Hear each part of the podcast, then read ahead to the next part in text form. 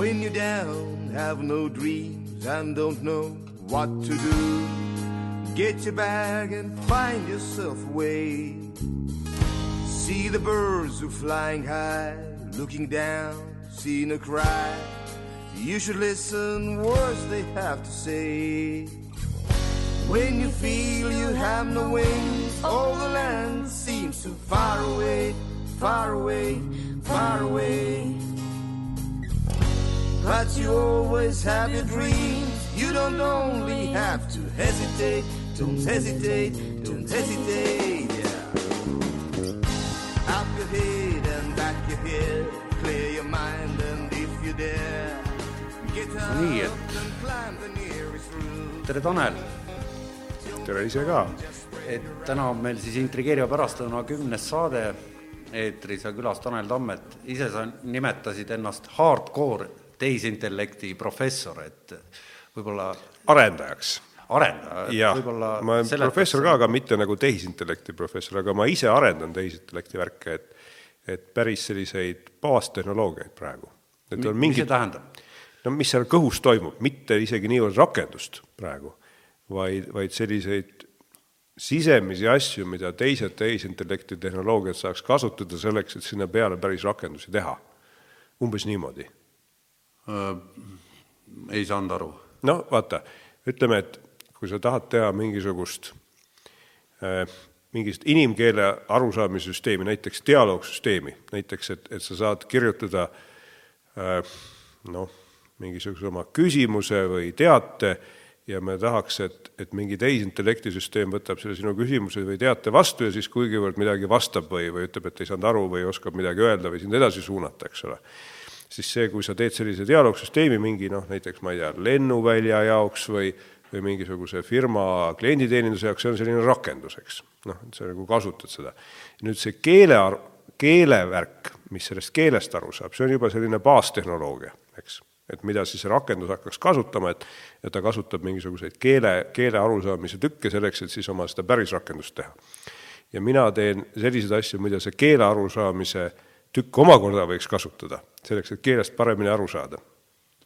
okei okay., ma arvan, et siin me peamegi jõudma nende põhimõistete juurde, et et, et ma üritasin, ma üritasin, aga mul ei, ma usun, et sa suudad selle selgemini ja kuidagi paremini kui mina selgeks teha, et mis asi on, on olemas machine learning, deep learning äh, general artificial intelligence, siis lihtsalt ai ehk tehisintellekt ja neid mõisteid on veel erinevaid, et, et mis asi, mis asjad need on?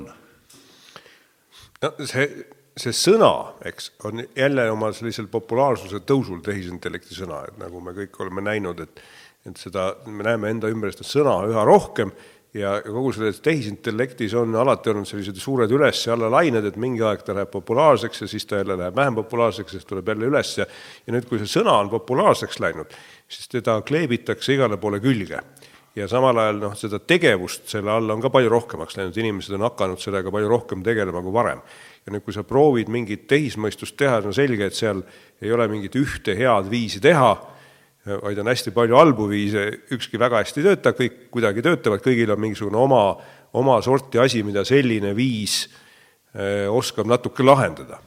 ja, ja siis noh, ongi see, seal valdkonnas on hästi palju erinevaid osi, et saab teha ühte sorti asja, teist sorti asja, kolmandat sorti asja, need kõik on niisugused suure, nii-öelda suure tehisintellekti mõiste väiksed osad, eks, seda võiks umbes niimoodi mõelda, et see on niisugune väga, väga hägune pilv, mis, mis praegu populaarsuse laine harjal on tõusnud hästi laiaulatuslikult, sinna püütakse kõike panna. No kunagi Stanley Kubrick hakkas tegema filmi ai, siis äh, tegi selle lõpuks ära Steven Spielberg ja sellest on ikka juba jupp aega möödas. ja et, et, et nüüd on see, ikka mitukümmend aastat on juba sellel teemal räägitud väga palju, enne seda räägiti ka ju, millal see üldse alguse sai? ma arvan, see sõna või selline valdkond, nagu seda praegu mõeldakse, sai alguse kuskil ikka kuuekümnendatel, et ta on ikka väga vana. Ja samas noh, inimesed tegelikult konkreetselt tehisintellekti teemal mõtlesid juba ammu enne, et seal juba enne sõda, kui esimesi arvuteid hakati planeerima, siis vennad juba mõtlesid, et kuidas võiks tehisintellekti teha, isegi ma arvan, mitusada aastat tagasi filosoofid kohati mõtlesid, et et oo, võiks teha ja siis kirjutasid jutte ja ma olen kunagi lugenud isegi mingeid väikseid jutte Leibnizilt, ma ei tea, see on üks hästi vana filosoof, George Boolilt, eks ole, ka sada viiskümmend aastat tagasi kirjutanud vendi, nad kirjutasid täiesti noh, nagu nagu, nagu praegu inimene võiks kirjutada tehisintellektist, mõeldes, et kuidas arvuti või mingi masin, noh, nad ei teadnud, kuidas seda masinat teha, eks. See on mingisugune mõtlemise masin, et kuidas see võiks töötada ja kuidas see võiks umbes midagi mõelda. noh, nad keegi ei teadnud, kuidas seda tegelikult ehitada, aga see, see eesmärk või soov oli väga selgelt väljendatud, et see on nagu väga vana mõte iseenesest. okei okay et mul on siin nagu, ma siin tegin väikest eeltööd, et, et, et, et, et, et et ma ei teagi, hakkame võib-olla, ütle, kas intellekt, et eh, on olemas noh, IQ mõiste, eks, mis, mis on justkui mingi mõõdik selle, mis mõõdab eh, inimese mida, ta mõõdab see on Üt... poliitselt ebakorrektne mõõdik, ma olen aru saanud. sest et ma tahan just, see on esimene pool küsimusest, et inglise keeles on niisugused sõna nagu wisdom ja knowledge mis on siis eesti keeles ehk siis elutarkus ja koolitarkus, saan ma õieti aru? Et no., et kus see tehisintellekt ku,, ku, ku, kuidas tema seal asetseb, selle või ei asetse? sellises keelelises, ma mõtlen, aru, noh, semantilises või kuidas seda öelda? et kuidas inimesed seda, mida nad selle sõna all mõtlevad, eks ole? no põhimõtteliselt küll jah, et, et, et mida me tahame, noh, et see tehisintellekt noh, oskaks. et kas ta oleks oleks tal palju wisdom'it või oleks tal palju knowledge'it või oleks tal palju noh, mis asi see intellekt selles kontekstis? no tead, see, ma arvan, et see, see raamistik selle ümber on natuke see, et, et, et me teame endiselt ikka erakordselt vähe sellest, et kuidas inimese pea või mõistus töötab, et sellest on väga-väga vähe teada et on teada suhteliselt palju, kuidas need neuronid töötavad seal sisemiselt, et mis seal raku sees on ja keemia ja siis saab vaadata erinevate röntgeni moodi asjadega, et kuidas sul veri peas liigub, et kui sa mõtled neid mõtteid, et seal on natuke rohkem verd seal ajuosas ja teises on rohkem, et seda kõike saab natuke kaardistada ja aga samal ajal noh, et, et mis, mismoodi tegelikult see mõtlemine peas käib, on täiesti, täiesti ebaselge, et isegi näiteks see, et kuidas mälu töötab, lihtsalt mälu, kui ma ei mõtlegi veel mingit mõtlemist või arusaamist, eks, et mismoodi mälu töötab, on täiesti ebaselge. Ja ja samuti on näiteks isegi see, et et noh, on, on kaardistatud ju mingid väga lihtsate organismide ajusid, et on selline kuulus väike uss nimega C elegans, millel on mingi mis asi, mis nimega? tal on mingisugune ladinakeelne nimi C elegans, mida on hästi palju uuritud, et ta on niisugune lihtne uss ja tema rakud on kõik ära kaardistatud ja tal on umbes mingi stiilis kakskümmend neuronit. Ja, ja need on kõik ära kaardistatud, kõik on täpselt teada, kuidas need seal on omavahel ühendatud, aga, aga keegi ei oska öelda, kuidas see, see elegantsi kahekümne neuroniga aju tegelikult töötab või seda simuleerida, et see ei tule no üldse välja. ja nüüd, kui mõelda, et inimesel on seda kõike miljard korda rohkem et noh, kui me juba sellest C-elegansi ajust praegu aru ei saa, et me inimese ajust ei saa tegelikult üldse aru, et, et, et sisemised olulised asjad on kõik siiamaani teadmata, ma, ma ei arva, et see on põhimõtteliselt võimatu aru saada, aga aga lihtsalt me ei aga tea. näiteks Rupert Sheldrake, keda sa väga hästi ilmselt tead, kellest on jutt, et te, tema, tema on Cambridge'i, mis ta nüüd oli, bio ma igaks juhuks seda distsipliini ei nimeta, sest ma võin eksida, aga, aga PhD kraadiga tõsine teadlane justkui ja tema, tema kirjutas raamatu Dogmadeta teadus. ja, ja seal on üks nendest, ta pani kümme dogma, küsimärgi pani taha ja üritab siis seal raamatus tõestada või seletada, et, et me, tegelikult meil ei ole vastuseid ja üks neist on just see, et teadlased väidavad, et, et mälu asub ajus ja, ja, ja temal on jälg, ehk siis mälul on jälg, kus ta salvestub ja Sheldrake vaidleb sellele vastu. ja sa just ütlesid ka hetk tagasi, et, et me ei tea. ei, ei, me tegelikult ei tea jah, aga noh, me, me võime oletada, et, et võib-olla kõik see inimese mõtlemine toimub ajus, no on muidugi võimalik, et tal on seos mingite, ma ei tea, kümnetasemmeliste ulmeliste asjadega, see kõik võib ka olla, eks ole, aga kui me oletame ka, et ta lihtsalt ajus on, siis me ei saa ka ajust eriti aru, me ei saa tegelikult sellest aru, nii et, et ses mõttes, kui me küsiksime, et, et kas tehisintellekt peaks siin tegema nagu ühtemoodi mõtlemist või teistmoodi mõtlemist, eks, aga samal me teame, et me ei saa aru, kuidas me ise mõtleme, et me üldse ei saa sellest aru, siis noh, see tehisintellekti küsimus jääb ka selliseks puhtalt spekulatiivseks, see on umbes nagu, nagu sa paneksid äh, noh, mingi sada aastat vanad äh, psühholoogid siin mõtlema tehisintellektist, me oleme ikkagi natuke nagu sellel tasemel. okei okay,, et siin vahepeal tekkis äh, küsimus publikust, et äh, kas me selle tehisintellekti mõistega ei ole natukene üle lapanud, ülemäära kasutanud? mul on tunne, et see, millega sa tegeled äh, päevast päeva uurimise ja baasi loomisega, see ikka pigem rohkem nagu masinõppe tema-, temaatika, mitte tehisintellekt. nimetus on täna tehisintellekt, aga sisus intellekti seal ei ole, nii nagu sa ise seletasid. no see, sellel küsimusel on nii palju otsi küljes, eks, et ma proovin neil ükshaaval midagi öelda, mis ma selle, mis ma, mis tunnetus mul on, et et põhiliselt muidugi ma olen sellega täiesti nõus, et me oleme kleepinud praegu seda sõna väga paljudele asjade külge, sest see sõna on lihtsalt suhteliselt popp. ja ma arvan, ta lahendus läheb veel laiemaks aja jooksul, et kuni ta natuke kokku tõmbab.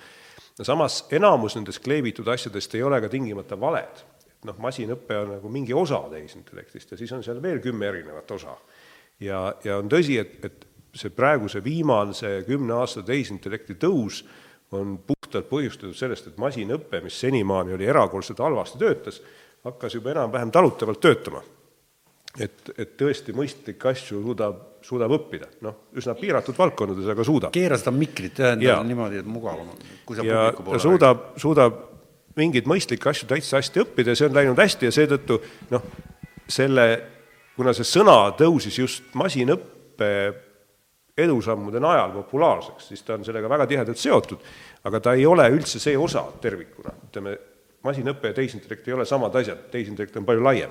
ja on väga tõenäoline, et mingi hetk jällegi natuke masinõppe tegevus pidurdub, eks, mingid muud asjad tõusevad ja siis jälle mingid kolmandad asjad ja nad kõik on tehisintellekti sees. ja, ja mina konkreetselt isegi ei tegele põhiliselt masinõppega, natukene küll, aga ma tegelen just eeskätt muude asjadega. et ma olen näit-, näide sellest, kes, kelle tehisintellekt ei ole peamiselt masinõpe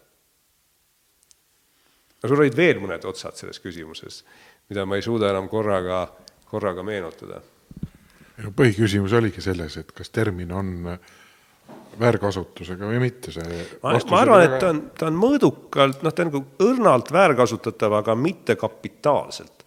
ja, ja mul noh, vaata, seal on natuke niimoodi, et, et ei saa ju noh, ei saa ju päriselt tõmmata vahet, et kus on harilik tarkvara, näiteks mingi veebileht kas või, või mingi andmebaas, kus sa asju sisaldad ja kus siis hakkab see tehisintellekt, et, et noh, tarkvara, kui ta läheb üha keerulisemaks, hakkab sisaldama mingisuguseid nii-öelda, no ma ei tea, keerulisi planeerimise, keele õppimise osasid, eks ole, noh, ta võib nagu sujuvalt rohkem neid sisaldada, siis ta hakkab üha rohkem tehisintellekti moodi olema, jah ja, ja inimesed tihtipeale nagu laiendavad natuke seda tehisintellekti mõistet noh, nagu igasugustele tarkvaradele umbes, et noh, siin arvutiga midagi teed, see ongi tehisintellekt no,. No, see, Siri... see ei ole ka sada protsenti vale. Need Sirid ja Alexad ja kõik need assistendid, mis ja. meil telefonides on, et kuhu need paik-? no need on täiesti selgelt tehisintellekt selles mõttes, nagu me seda praegu mõistame, niisugune mainstream. see, siin ei ole nagu noh, see on nagu täiesti niisugune kindlalt, kindlalt tehisintellekt. et, et kusagil oli, oli kirjas, et, et, et, et niisugune asi nagu põhirõhk on pandud selle peale nagu noh, inglise keeles driving, et, et noh, et, et, et ta õpiks nagu juhtima erinevaid asju nagu autod näiteks, et see, et see on nagu selline praktiline väljund praegu, et kas see on, kas see on ka tehisintellekt? no absoluutselt, et on, et, et noh, sellepärast sa küsid, eks, et, et kui inimene ütleb tehisintellekt, siis ta, mis ta mõtleb praegu, ta mõtleb äh, kõigepealt isesõitvat autot, siis ta mõtleb võib-olla mingite piltide äratundmist, mis on ka isesõitva auto üks põhilisi fookuspunkte, ja siis ta mõtleb natuke Siri peale ja, ja, ja Google Assistanti peale, need on need esimesed mõtted, nii et noh, see, see on, jah. aga nüüd järgmised mõtted, et, et vot siin paneks arvutist ekraani peale ühe niisuguse mehe pildi, tema nimi on Ben Görtsel, et meil oli enne saadet oli juttu, et, et mis saate pealkirjaks panna, siis ma küsin su käest Ben Görtseli kohta, sest ja. ma vaatasin temaga ühte talk show'd, kus ta jättis üliveenva mulje, kui ta rääkis mitu tundi, kuidas ta Hongkongis elab ja kuidas ta teeb asja, mille, mille nimi on blockchain based ai marketplace ehk siis mm -hmm. eesti keeles plokiahela peal töötav tehisintellekti turuplats, kus ja. ajavad mingid tehisintellektid mingit äri selle, selle blockchain'i peal, mille peal on siis krüptoraha ka justkui ja see on nüüd nii segane maailm, et kas sa oskad selle nüüd või läksin ma oma küsimusega liiga rappa? see on, see on väga, see on väga lahe küsimus, sest noh, mina näiteks ei teadnud, et Ben Gertzel teeb blockchain'iga tehisintellekti, enne kui sa mulle ei rääkinud, et siis ma läksin ja lugesin sellest ja olin väga lõbustatud. aga räägi, räägi uh, siis, miks ta petis võiks olla, võib olla, nagu sa vihjasid? seal on, no ma, ma ei ütle, et ta tingimata petis on, aga, aga ta võib olla, no kes ei võiks olla. ei, aga, mi, aga miks, aga miks sa arvad, et ta võiks olla, et, et minu arust see, mis ta, tähendab, seleta kõigepealt ära, et a, said sa aru, mis see blockchain based ai marketplace no, üleüldse on? mingi, mingil määral, ma ikka natuke süvenesin, noh, ega ma, ma ei saa öelda, et ma siin kõigest aru saaks, aga mingil määral, jah no,. aga noh, see, see, vaata seal taustal on mitu asja, et kõigepealt et see, mis poolest Ben Gertzel on kuulus, et sellepärast, et, et tal on selline firma nagu Hanson Robotics ja ta on siis selle peamine tehnoloogiajuht ja ma saan aru, et ta on väga andekas robotimees iseenesest. no selle pildi peal oli ja. ka see, kus ta on selle robotiga, mis oli selles äh, filmis, äh, mul ei tule see nimi meelde, aga mm, ma olen seda filmi mm, näinud, et kus see naisrobot nii-öelda mm, mängib mm, nii-öelda ja, ja see, ja see, see naisrobot, mis ta nimi nüüd oli? Sofi. õige, Sofi et, et see Sofi ilmus massiliselt meediasse minu meelest mingisugune aasta-poolteist tagasi, kui olid niisugused tohutud show-üritused, kus Saudi Araabia ütles, et nad annavad, oli vist Saudi Araabia, et nad annavad Sofile kodakondsuse umbes, et see on esimene robot kodakondsusega, ja siis, siis ta on vedanud seda Sofit ringi mööda selliseid suuri teatreid ja näidanud seda, kus siis Sofi käitub nagu noh, nagu efektselt, eks ole. no ma vaatasin ja, netist, kuidas ta laval temaga vestles, selle Sofiga. ja nüüd, nüüd see Sofi on, on selline noh, kõige tuntum või niisugune tehisintellekti inimeste seas nagu vihatum, ma arvan, enamuse jaoks vihatum näide sellisest pseudointellektist. et, et Sofi on, et mis tal on vägevat, et Sofil on üks vägev asi, et tal on silmapaistvalt hästi tehtud miimika, niisugused näo, näomootorid, osav nahk, et ta teeb miimikat täitsa hästi, noh, paremini kui keegi teine, et see on, see on aga kus, kust ta selle impulsi saab? Ja, ja siis on tal noh, selge, et see robootika asi, et seda miimikat teha, on, on hästi tehtud, siin ei ole mingit kahtlust. aga noh, miimika iseenesest on küll keeruline asi, aga me ei ütleks, et tal on nüüd mõistus see, et sa oma näolihased liigutad, no et, et antud viisil ei ole päris see, eks. ja nüüd see, kui Sofi hakkab rääkima siis see on peamiselt pseudo. seal on natukene selliseid tehisintellekti juppe sees, aga kõik need, need keerulisemad või teravmeelsemad vastused, mis ta annab, on põhimõtteliselt kõik nagu ette programmeeritud, puhtalt selline skripti järgi tehtud, et ta on niisugune noh, nagu inimeste juhitav manneken sisuliselt on ta inimeste juhitav manneken, kus on väiksed tehisintellekti jupid ka sees. aga see, need väiksed tehisintellekti jupid ei ole suutelised teda panema niimoodi mõistlikult rääkima ja mõistlikult vastama, et see on, see on nagu inimeste ette programmeeritud, juhitud mannekeni tegevus okay.. efekti mõttes, nii et selles mõttes ta, ta on niisugune noh, poolpetu asi, et ta robotina on täitsa efektne, aga see, mis, mis ta mulje jätab, eks, on, on puhas pseudo. et see, et see tuleb nagu justkui makilindi pealt, et ette, ette antud vastused? enam-vähem, mitte päris makilindi pealt, aga enam-vähem, jaa. aga, aga sel Götzelil on veel niisugune firma nagu Singularity Net ja ta väitis ka selles inter-, ühes intervjuus, mida ma hiljuti vaatasin, kus ta ütles, et et viie aasta pärast on singulaarsus käes mm. -hmm et võib-olla kõigepealt ütle mulle, mis asi on singulaarsus sinu arvates ja on, mis see tähendab, et see viie ja, aasta pärast käes on? ja see on, see on ilgelt lahe asi ja, ja ma ei mäleta, kes ta singulaarsuse mõistet propageeris, aga üks kõige, noh, kõige kuulsamaid propageerijaid on Ray Kurzweil. ja, Ray Kurzweil on iseenesest väga andekas insener ja leiutaja, kes on hästi vingeid keerulisi asju leiutanud ja on praegu Google'is tööl ja ja Ray Kurzweilil on see mõte kohutavalt meeldinud. ja, ja ta on andnud hästi palju selliseid utoopilisi prognoose kõigepealt umbes, et noh, umbes kümme aastat tagasi ütles, et et äh, ma ei tea, et me oleme kõik Marsil ja, ja tehisintellekt on ammu olemas ja kõike juhib varsti ja, ja noh, need on väga-väga utoopilised lubadused, no mitte lubadused, prognoosid. ja, ja Kurzweil on siis promonud ka sellist mõtet, mis noh, inimestele on enne ka pähe tulnud, et, et et oletame, et nüüd tehisintellekt hakkab minema üha kõvemaks ja kõvemaks, eks. no natuke lähebki kõvemaks, see on ka õige, jah. ja nüüd, kui ta läheb kõvemaks, siis võiks mõelda, et okei okay,, et see tehisintellekt võib-olla hakkab õppima, kuidas ennast ise parandada. et noh, kuna ta on no arvutiprogramm, eks. sek-, sekkun korra, et Kötsleril ongi nagu see, mida ta promob, on see, et, et ta õpetab tehisintellekti nagu beebit, et, et see hakkab õppima koos inimesega nagu areneb inimeste hulgas ja omandab inimestelt, võtab üle mingid deduktsioonid ja indu-, tal on seal mingid nimetused ka. ei no see on, see on kõik niisugune noh, muidugi midagi õpib, aga nüüd see singularity juurde tagasi tulles, see mõte on see, et, et kui nüüd see tehisintellekt muutub piisavalt heaks, et siis ta võiks hakata ennast ise ju paremaks programmeerima. et ta õpib programmeerimise ära ja õpib ise olema tehisintellekti spetsialist ja, ja siis ta hakkab ennast ise parandama. ja siis ta läheb veel paremaks, kuna ta ise ennast parandab. ja siis ta võimed ennast parandada veelgi kasvavad, eks. ja siis ta muutub, hakkab väga kiiresti ennast tugevdama ja siis hakkab paigutama ennast igale poole laiali, hakkab ise ehitama uusi masinaid, kus ta sees saab nii-öelda elada, eks ole, ja tekib selline nagu tehisintellekti plahvatus umbes, et et me ehitame sellise algul väikse tehisintellekti, see läheb nagu ise tugevaks ja, ja muutub selliseks hiigel tehisintellektiks, mis võtab kõik üle. see pidi kakskümmend kaheksa tuhat aastat nädalas arenema. no näid, mis iganes, või miljon aastat, kuidas Ütle, keegi ütleb, võtab, et see ütlevad mingid tüübid no, kes on seda välja arvutanud. et see on nüüd see mõte eks, et, et, et siis, kui see tehisintellekt hakkab ennast ise plahvatuslikult tugevdama, et, et siis on noh, nagu kogu maailm, nagu me teame, mokas, selles mõttes, et noh, me oleme nagu see on nagu umbes, et nagu päike plahvataks, et mingi asi võtab meie üle täielikult võimust, et me oleme mingis pisikeses, pisikene osa mingis tohutus mõistuse kõhus. nagu Matrix. jaa, nagu Matrix, täielik Matrix, eks. et, et siis on nagu kõik muutunud ja singularity selles mõttes, et et noh, et kogu see senine ajalugu nagu sisuliselt lõpeb ära et, et me satume nagu kardinaalselt teise olukorda. oota, aga mis sa arvad neist Elon Musk'i väljaütlemisest kaks, kahe tuhande kuueteistkümnendal aastal juba, et et või võimalus, et me ei ela Matrixis, on üks miljardist. et tema just see, see on, see on teine teema, et see on, see on üks selline tore Rootsi päritolu filosoof Nick Bostrom, kes on seda mõtet propageerinud ja see, see mõte on iseenesest päris lahe, aga, aga noh, see on ülispekulatiivne mõte. seal ei ole mingisuguseid aluseid arvata, et see peaks nüüd tingimata nii olema.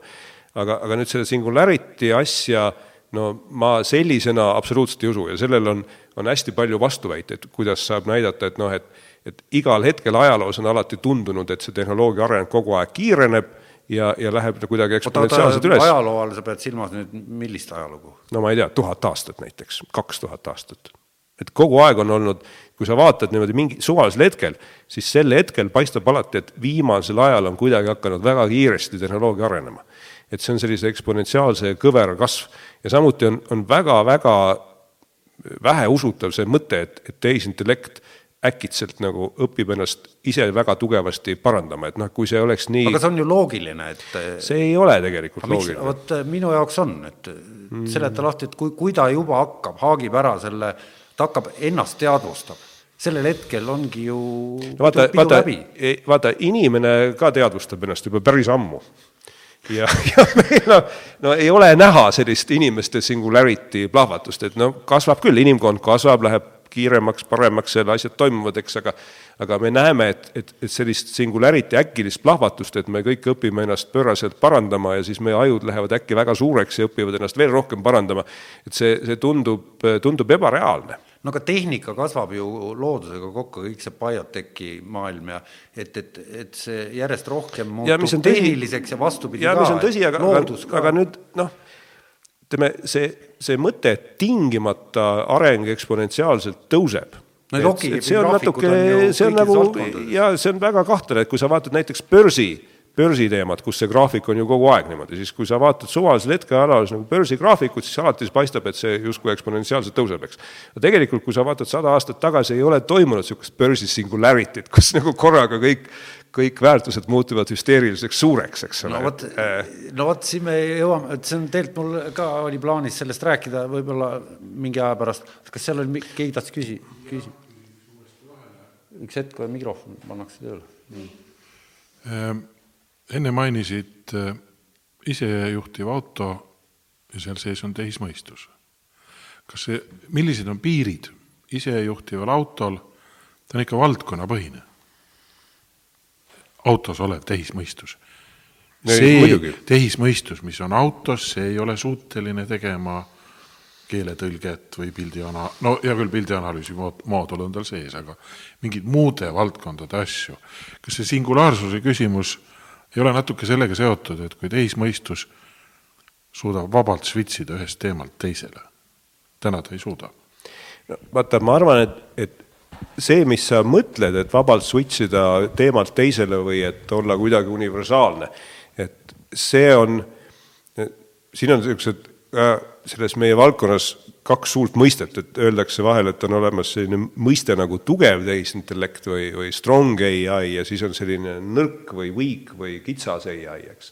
ja, ja selle all mõeldakse reeglina siis seda, et natukene sellega, sellega mõeldakse lihtsalt ei, väljapool, niimoodi, jah okay., ja et siis, siis on, kui sa saali ja, räägid. ja, ja sellega mõeldakse seda, et, et, et, et me teeksime oma, et me saaks rääkida niimoodi, et me mõtleme tehisintellektist, mis on nagu päriselt intelligentne, umbes noh, nagu inimene või rohkem või põhimõtteliselt nagu inimene või koer, eks ole. et niisugune universaalselt võimas intellekt, et see oleks nagu see tugev või päris tehisintellekt. ja kõik need tehisintellektid, mis meil praegu on, mis pildist aru saavad või malet mängivad või autot juhivad, need on sellised nõrgad tehisintellektid, et nad on, ongi needsamad valdkonnapõhised spetsiifilised algoritmid, mis teevad seda ühte asja suhteliselt hästi. aga nad ei mõtle nagu inimene, nad ei ole üldse sellel tasemel, nad on ikkagi niisugused väga piiratud ja primitiivsed asjad ja, ja kõik tehisintellekt, mida, mida praegu on tehtud ja millest inimesed üldse mingit ettekujutust omavad, need on kõik need nõrgad tehisintellektid. kellelgi pole ühtegi aimu või ühtegi sellist realistlikku projekti, et kuidas teha sellist tugevat tehisintellekti. ma arvan, et see kunagi tuleb, arvan ma ise, see on puhas spekulatsioon, aga ma elu sees ei usu, et see tuleb nagu väga ruttu. ja samuti ei ole ka näha, et see nõrk tehisintellekt kuidagi automaatselt siis maagiliselt areneb selleks tuha, tugevaks tehisintellektiks, see vahe on nagu väga-väga suur. nii et auto sees on kõik see jah, ongi selline valdkonnapõhiline spetsiifiline nõrk tehisintellekt ja see on kõigi reaalsete tehisintellekti süsteemide asi, nad on kõik sellised nõrgad valdkonnapõhised tehisintellektid. aga et siit mul ka üks küsimus, tere, minu nimi on Risto, et haakub eelmise küsimusega, et äh, mis sa arvad, kas üldse on võimalik tõeline niisugune võimas general ai ehk siis niisugune üldine tehisintellekt ilma teadvuseta? sest mina teeksin vahet kalkuleerimisvõimel ja teadvusel. ma toon nagu näiteid, juba minu lapsepõlves, meie kõigi lapsepõlves, suutsid odavad äh, taskukalkulaatorid palju kiiremini arvutada kui meie. tänapäeval tõenäoliselt teeksid ja üldse mitte väga keerulised äh, arvutiprogrammid näiteks enamuse IQ testidest kiiremini ära kui mitte üksnes meie, vaid isegi Einstein ehk nende kalkuleerimisvõime on märkimisväärne. aga teadvust neil ei ole. samas näiteks meil on põhjust arvata, et ahvidel on teadvus, šimpansitel näiteks. puhttehniliselt šimpansitel on lausa neli kätt, autoroolimine neid ei usalda. ehk teatavates, teatavas mõttes roboteid juba küll, eks ole aga šimpansitel tõenäoliselt on teadvus, selle üle võib vaielda, aga ma arvan, et tänapäeval nõustuvad peaaegu kõik erinevalt Descartesist mitusada aastat tagasi, et loomad ei ole masinad, neil on teadvus et aga kas niisugune päris tõeline tehisintellekt ei eelda mitte lisaks sellele meeletule kalkuleerimisvõimele, mis on arvutitel väga suur, suurem kui inimestel, äh, ka teadvust. sest noh, näiteks võtame siin sellesama tõlkeprogrammid, et ma olen ise hobi korras või haltuura korras tõlkimisega tegelenud, selleks, et tõeliselt hästi tõlkida, pead sa aru saama, mida sa tõlgid et noh, mul on kogemus, ma olen, tõlkisin ükskord üht tehnilist teksti, mis puudutas soojusenergeetikat, millest ma mitte kogu aru ei saa vaatan igat sõna, tean, kui ei tea, vaatan paganama sõnastikust järgi, ikka aru ei saa, no mismoodi ma tõlgin ta inglise keelest eesti keelde, kui ma ei saa aru. sest noh, kui ma hakkaks lihtsalt sõnu ritta laduma ja grammatika korrektseks palun, siis kui mõni insener hakkaks seda oma soojuselektrijaama ehitamisel kasutama, siis see lendaks tõenäoliselt õhku. ehk hea tõlke jaoks on vaja arusaamist.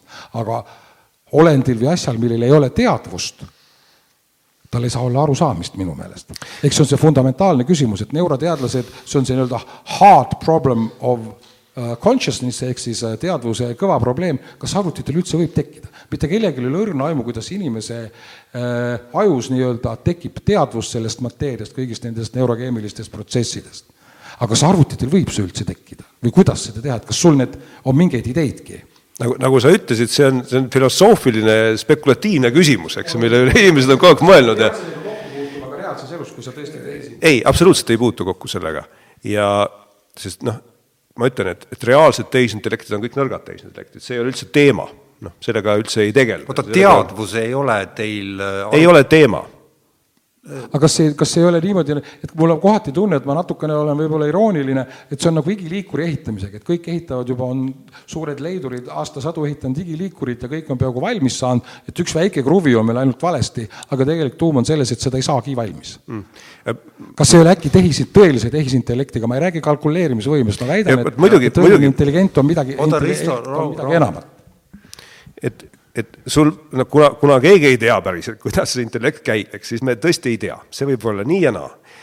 samas ma ütlen, kuidas minu enda kõhutunne on, see on noh, samamoodi spekulatsioon nagu kõik teised, et mu kõhutunne on natuke see, et, et, e, et ma oletan, et, et teadvus on, on, on ka üks selliseid ajumehhanisme ja et, et see ei olegi võib-olla nii keeruline mehhanism, kui meile tundub et see on võib-olla selline monitoorimismehhanism, mis, mis jälgib kuigivõrd hästi abstraktsel tasemel, et et, et mis, mis su aju teeb, mis sa seal mõtled, kuidas sa noh, et, et selline noh, nagu enese jälgimise abimehhanism.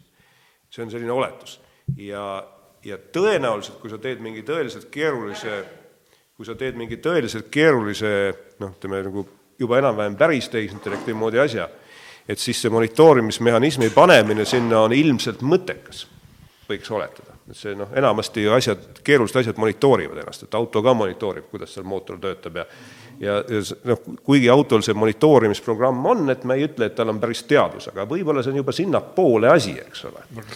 ja, ja see võib vabalt ka niimoodi olla, et, et see monitoorimismehhanism sellisel ülivõimsal tehisintellektil, noh, mida ma ütlen, praegu üldse ei ole, eks, et, et, et see asi ongi umbes seesama, mis teadus aga me ei tea seda tegelikult, eks. sellest teadvusest saaks üldse rääkima ja mõtlema hakata siis, kui kaks nõrka tehisintellekti suudetakse ühel hetkel kokku panna või hakatakse teoreetiliselt äh, aru saama, kuidas see kokkupanemine no nõrgad, nõrgad tehisintellektid käivad kogu aeg koos, see ei tee neid veel tugevaks, et kui sa võtad selle isesõitva auto, seal on mitu erinevat, et üks saab piltidest aru ja teine oskab seal äh, tema trajektoori natuke rehkendada ja midagi ette simuleerida, et paratamatult sul on ikka tihtipeale mitu asja sees, eks, aga see veel ei tee päris seda, et et, et ta läheb nüüd kohe tugevaks, eks, aga ma arvan, see on natuke sinnapoole jah, et kui sa kui sa mõtled, et me paneksime palju erinevaid nõrku tehisintellekte kokku, siis tekib ju natuke selline koordineerimise, monitoorimise küsimus, eks ole, see vajadus läheb suuremaks ja, ja noh, sellist laadi asja ehitamine tundub, tundub mõistlikum vajalikum, nii et sealt võib midagi sellist tekkida, aga, aga me, kuna me ei oska tegelikult noh, teisest küljest, vastupidi vaadata, siis me ei tea ka seda, kuidas inimene liidab, eks, needsamad asjad, et sa ütled, et kalkulaator liidab palju kiiremini, aga ma prooviksin mõelda, kui me küsiksime, et kas ajuteadlased teavad, kuidas inimene näiteks korrutab seal viit, viite ja kaheksat, eks nad ei tea, kuidas see käib. absoluutselt ei tea. ja, ja noh, me ei tea, kuidas teadus käib, aga me ei tea, kuidas liitmine käib noh, üks hea näide loodusest, väidetavalt loomadel teadvust, mõistust ei ole, aga teisest küljest neil on väga head protsessorid. kui panter hüppab saagi suunas, siis ta on täpselt välja arvutanud, kuhu ta peab hüppama, aega ette planeerima. ta hüppab ju mitte sinna, kus loo-, saakloom on, vaid oletatavasse kohta, kuhu ta jõuab. see ei ole teadus, see on hea matemaatika, aga ega me ei suuda täpselt samamoodi inimese juures või ka loomade juures seda, seda täna masinasse üle viia või, või modelleerida? ei, me ei suuda kuidagi ja see, ja noh, seesama näide, et, et kuidas panter hüppab, et, et sel, noh, mis tundub, et seal ei ole võib-olla sellist mõtlemist ja midagi, eks ole. et, et, et see on ikkagi niivõrd hüsteeriliselt keeruline asi, et seda mitte keegi ei oska kuidagimoodi robotitesse panna. ja kui me vaatame, kuidas need tegelikult robotid on, noh, on, on tõesti eh, üks, üks firma maailmas, eks, mis teeb hästi vingeid roboteid nagu Atlas ja nii edasi, aga, aga nad on väga kaugel sellest, et näiteks, et suuta teha mingi robot, kes suudaks tennist mängida, et see on ju noh, täiesti, täiesti üle jõu praegu, et et need pingsimängurobotid on ikkagi sellised lihtsad manipulaatorid, mis väga hästi ei mängi, aga nagu tennise moodi see üldse praegu välja ei paista, ma ei ütle, et see kunagi võimatuks osutub, aga praegu me ei ole üldse selle lähedalgi. aga puhtalt liikumise mõttes juba.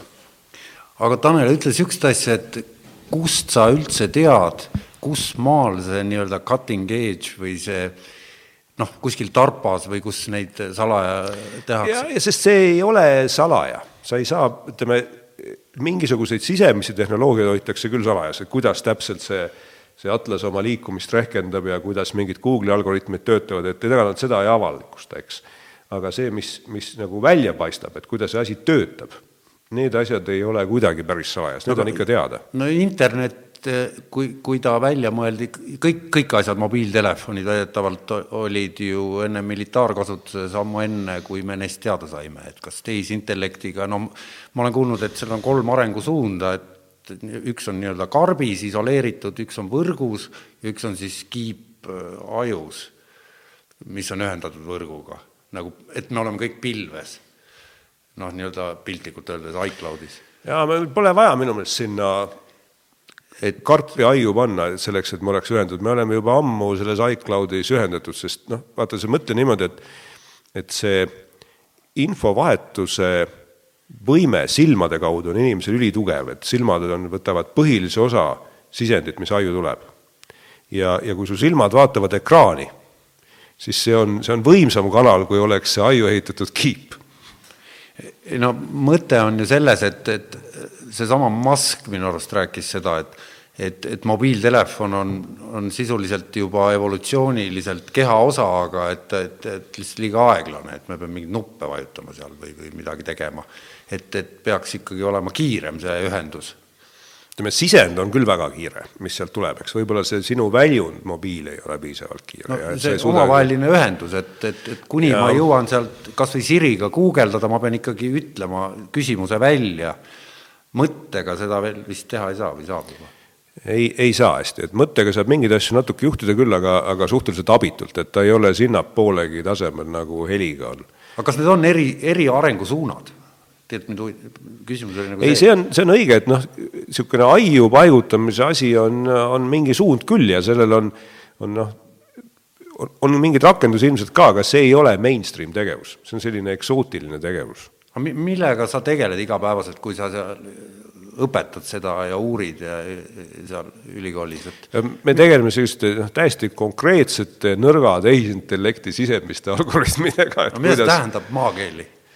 Mis selle rakenduslik äh, tagajärg peaks olema, kuhu poole nagu suundama? no näit-, näiteks ütleme, et eh, ma toon mingi kaks erinevat, täitsa erinevat näidet või kolm, et, et meil ülikoolis on niisugune väike, no mitte väike, vaid päris suur isesõitva auto projekt, kus nad proovivad seal asju täiustada, eks, aga see tegevus on eeskätt see, et sa proovid erinevaid tarkvarasüsteeme kokku panna oma selle äh, kaadervärgiga ühendada, seal tuunida, konfigureerida, seal on hästi palju sellist tehnilist tööd, et seal sellist baastehisintellekti arendamist väga palju ka ei ole, eks, aga rakendamist on väga palju.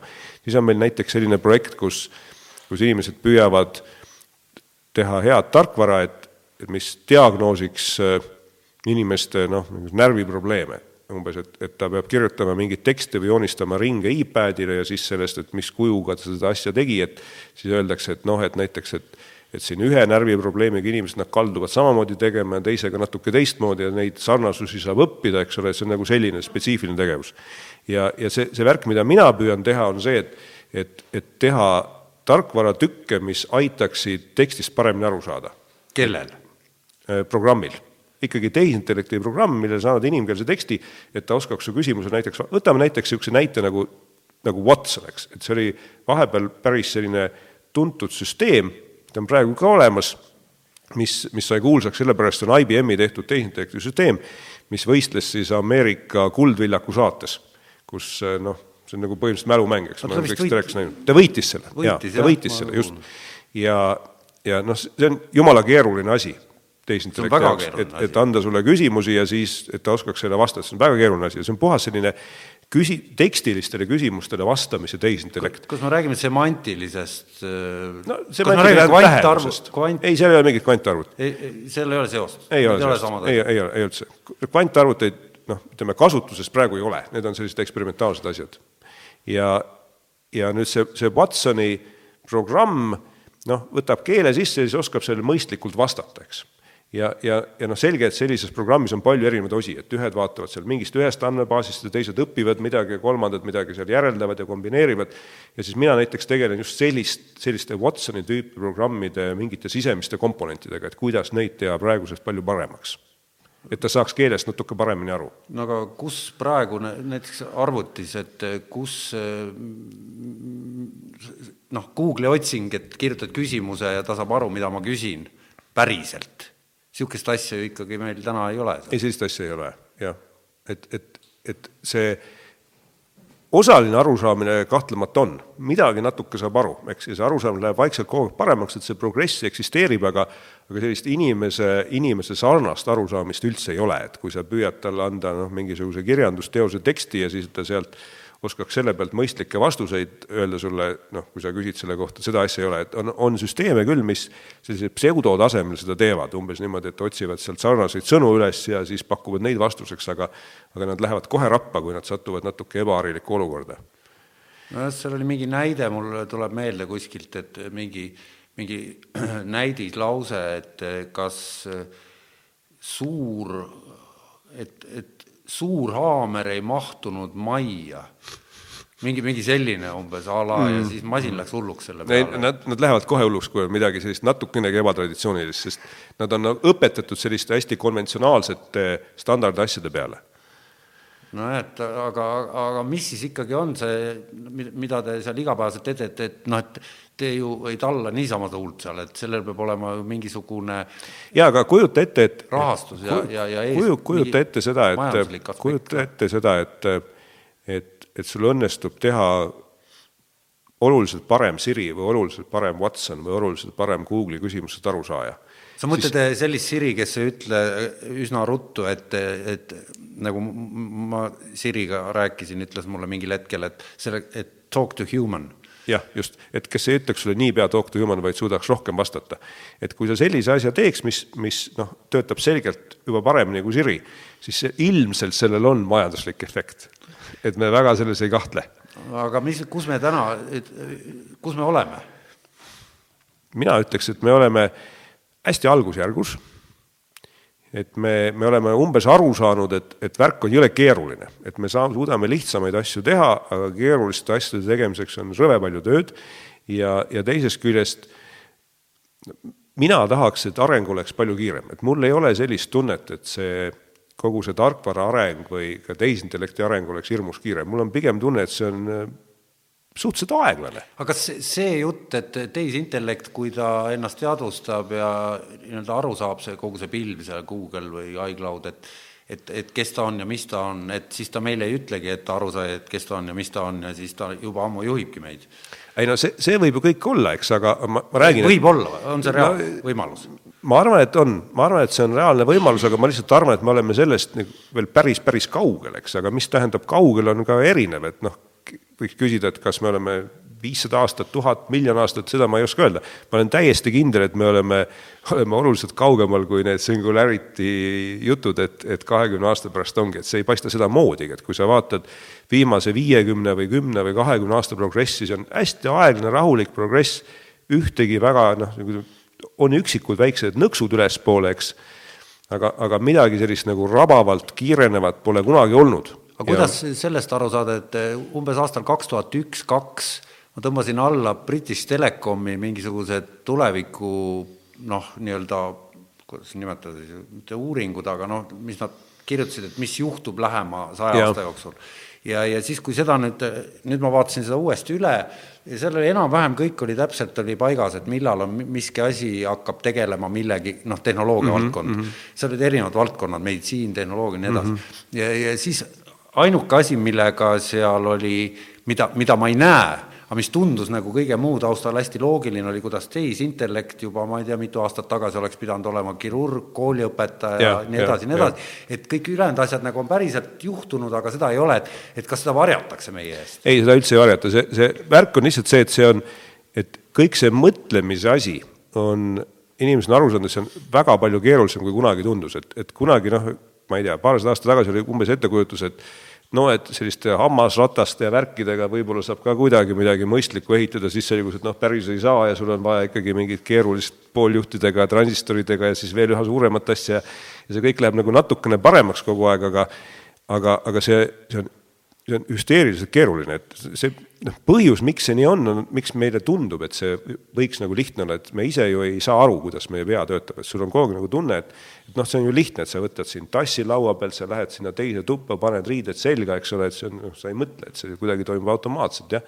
aga, aga, aga reaalselt just need igapäevased, iga igapäevane asi, mis inimene teeb, on hüsteeriliselt keeruline, keegi ei oska seda praegu programmeerida et, et ülesanne robotile minna teise tuppa, panna mantel selga, on täiesti autoskoop. aga nad ehitavad ju aju, ehitavad, vaata kunagi oli, ülikoolis õppisin Ilari Putnam või kes, et brains in a vat, ajud purgis, et hakati neid noh, ajusid ehit-, orgaaniliselt eh, nagu kurat, ma nüüd võin terminoloogias nii puusse panna, et võib-olla sa aitad mind, et et, et, et ühesõnaga seda noh, füüsiliselt ehitadagi purgis olev aju nagu mm -hmm.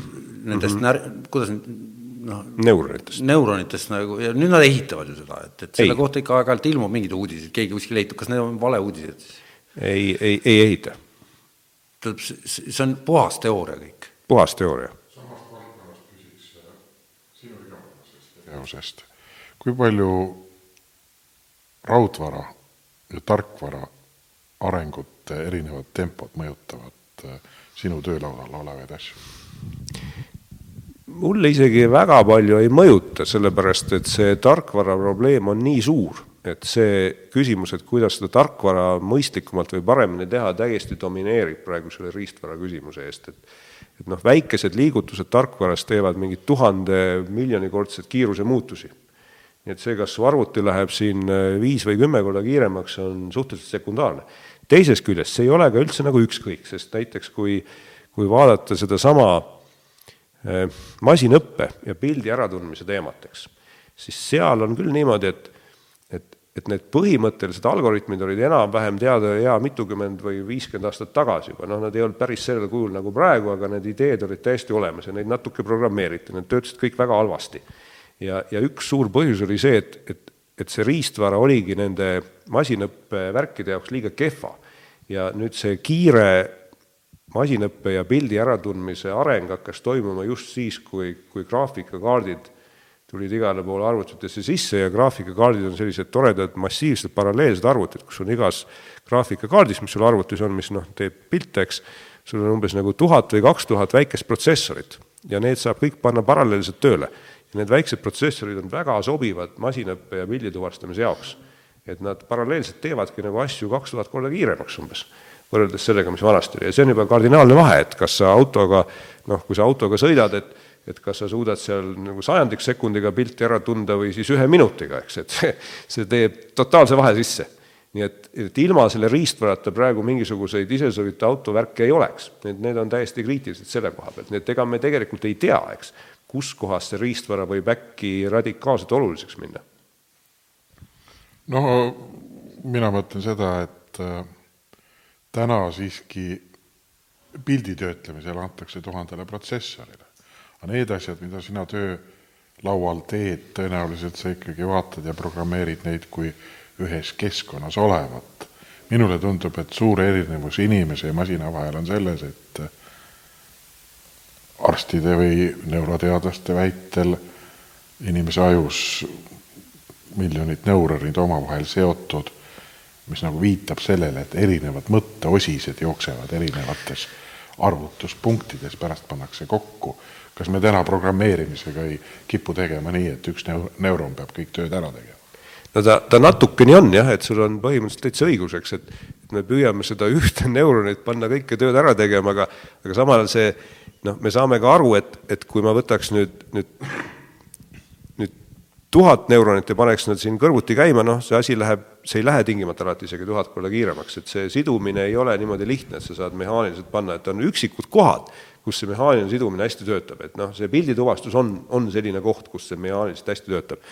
aga me ei oska mujal seda panna väga hästi tööle, et ja noh, ja võib-olla igas olukorras ka see tuhat ei ole piisav, eks ole. Et et, et sul oleks vaja üle miljon, miljard korda kiiremaks neid asju panna ja ja need me tegelikult ei tea, riistvara on abiks küll, aga, aga temast üksi selgelt ei piisa, et ta ei ole hetkel nagu see kõige teravam koht, et kõige teravam koht on arusaamine, et kuidas tarkvara paremaks teha. Ja ma arvan, noh.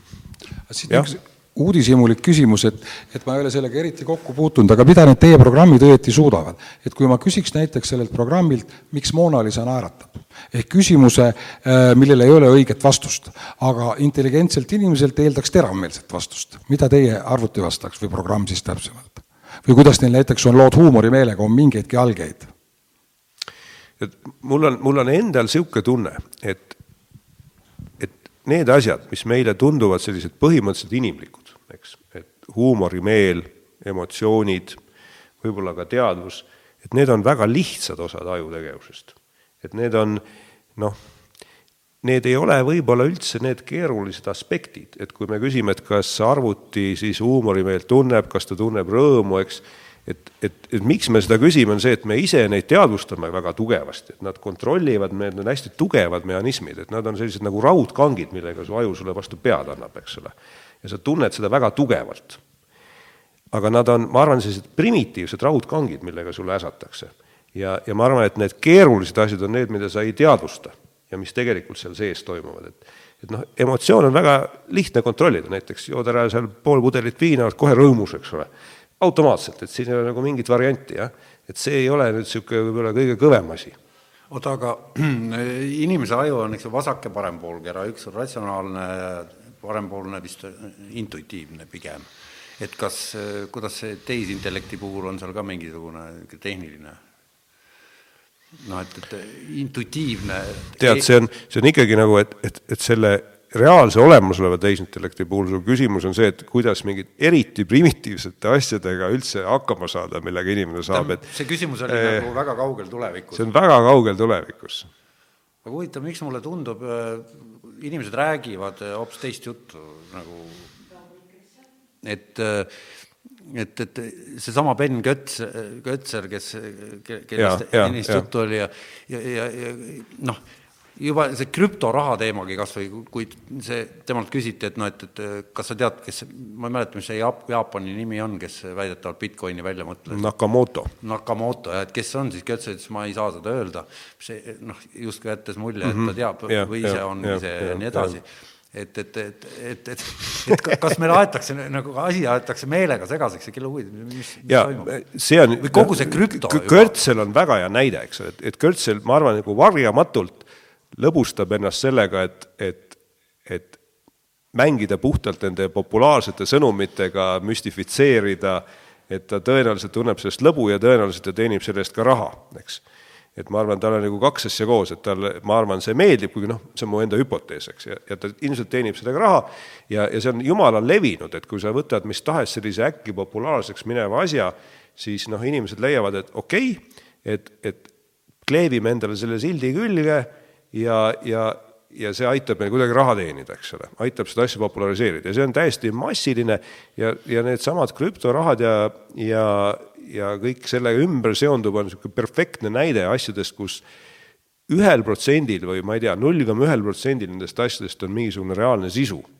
ja muu on puhas selline spekulatiivne tulbimaania moodi mull. kas ma olen õieti aru saanud, et krüpto puhul on kaks niisugust äh, fundamentaalset äh, takistust või üks on see, et ta on piiratud arv neid Bitcoine, ma ei mäleta seda numbrit, aga noh, mingi ei olnud väga suur mm. number, teda ei saa mingil põhjusel, mis mulle on arusaamatu mm., aga sa ilmselt tead, rohkem olla kui mingi kindel lõplik arv, noh, seda Bitcoini ja teine on see, et see noh, Bitcoini väärtus siis ütleme dollari suhtes võib muutuda kuu ajaga, ma ei tea, sada protsenti. ma, ma arvan, et see esimene ei ole probleem, see, et, et, et juhtumisi Bitcoinil on nagu piiratud arv, et see, see otseselt ei ole takistus, teine küll on, eks, ja muidugi vaata neid krüptorahasid on ju, ma ei tea, kas juba tuhandeid, aga sadu ja sadu küll, eks ole, nad on suhteliselt erinevad, et mõned on nagu ühemoodi, ma arvan neist äh, üldiselt nagu tulbimaaniast ma arvan, nagu, nagu sellest vanaaegsest äh, kuulsast tulbimaaniast Hollandis, kus inimesed aretasid erinevat värki, tulpe ja siis üks tulp maksis nagu maja hinna ja ja kuni see, kuni see mull kõik ükskord kokku kukkus, et ma arvan, et see on väga sarnane asi, et et noh, et, et kui sa oled selline riskialdis investor, sul on mõtet kuskile sinna tõusvale lainele hüpata lootuses, et sa mingi hetk suudad selle ruttu maha müüa, eks ole, enne kui see kõik kokku kukub. aga mingi hetk need asjad noh, nagu kukuvad või visisevad kokku, et nendel asjadel on, on hästi väike rakendusväärtus, natukene on, aga, aga väga palju väiksem, kui sinna on praegu raha investeeritud, et see on põhiliselt kõik selline puhas spekulatiivne raha, mis loodab mingi hetkel sealt välja hüpata. ja see, kui Ben Gertsel seob selle, ütleme, selle spekulatiivse osa tehisintellektist, eks, selle, mis ei ole päris, jah, päris osa on ka, seob selle eriti spekulatiivse mis krüptorahaga. täpsusta veel kord üle, mis on eriti spekulatiivne osa tehisintellektist siis? see on, no näiteks see, kui ta näitab meile Sofit ja püüab jätta mulje, et Sofi tegelikult eh, saabki nendest juttudest aru ja mõtleb. mõistab ja mõtleb, eks ole, see on, see on aga tegelikult Sofi ei mõtle. see Sofi ei mõtle üldse, jah, ta on nagu eriti loll tehisintellekt. et teised on palju paremad enamasti, et Watson on palju parem, Siri on palju parem, võrreldamatult parem miks? Et miks see Kötsel teeb lolli roboti, kui on olemas? Seepärast, et tal on lõbus ja ta teenib sellega raha. mõlemad on head põhjused. No ja, ja, ja, see on nagu noh, inimeste oma nagu viga, kui nad lähevad sellise asja õnge, eks ole, see on näha, et kui Kerts ütleb, okei okay,, seome selle nagu niisuguse pettuse tüüpi tehisintellekti, pettuse tüüpi krüptosüsteemiga, et siis see oota, krüpto on sinu jaoks juba, eos on pettus? mitte kõik krüpto, aga enamus sellest on, enamus sellest on, jah. tähendab, kõik need, kes räägivad, et raha kaob ära, asendab, asend-, raha asendub krüptoga, eh, paratama, et see on paratamatus, tähendab, see jutt on kõik bluff? Nende krüptodega, mis praegu on, see jutt on kõik bluff, jaa on, ma, ma ei pea üldse võimatuks, et, et mingis perspektiivis mingi krüptomoodi raha muutubki suureks ja kasutatavaks, ma ei pea seda põhimõtteliselt võimatuks, selle, selle krüptoraha nagu aluspõhimõtted on päris teravmeelsed ja head ja seal on mingi kasulik osi ka. aga need krüptorahasüsteemid, mis meil praegu on, need kindlasti ei võta mitte midagi üle, see tundub täiesti võimatu. aga see, et Eestis on mingi ettevõte, kes eh, töötab välja mingit nii-öelda pangakaardilaadset asja, kus peal on nii dollarid, eurod kui krüpto, millega saab poes maksta, see, see siis on mingi ulm, ulmejutt lihtsalt? ei no kui seal on dollarid peal, siis see ei ole ulme, siis dollaritega ei, saabki no, poes ka, maksta. krüptoga ei saa poes kurs... maksta. mine proovi, ei no on. ei no täna on... muidugi ei saa, aga põhimõtteliselt see vastupidi, eh, krüptoga sai mingil hetkedel rohkem maksta kui praegu et kohti, kus krüptot võeti vastu reaalselt poes, olid tegelikult olemas siin mingi viis aastat tagasi.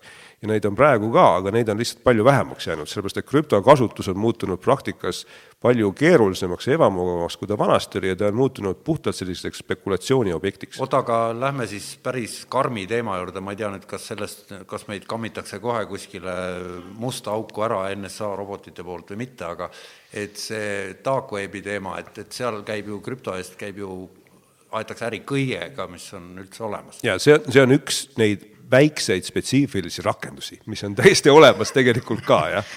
ja, minu meelest seal kasutatakse peaaegu ainult Bitcoini, aga no ma ei välista, et kasutada mingit no, muud eksootikat kas, ka. kas sellest saab rääkida, ütleme niimoodi vabalt netis, et mis ei, muidugi, muidugi see mis asi see dark web on? mis seal ah, see inimesed, see, inimesed mõtlevad selle erinevaid asju.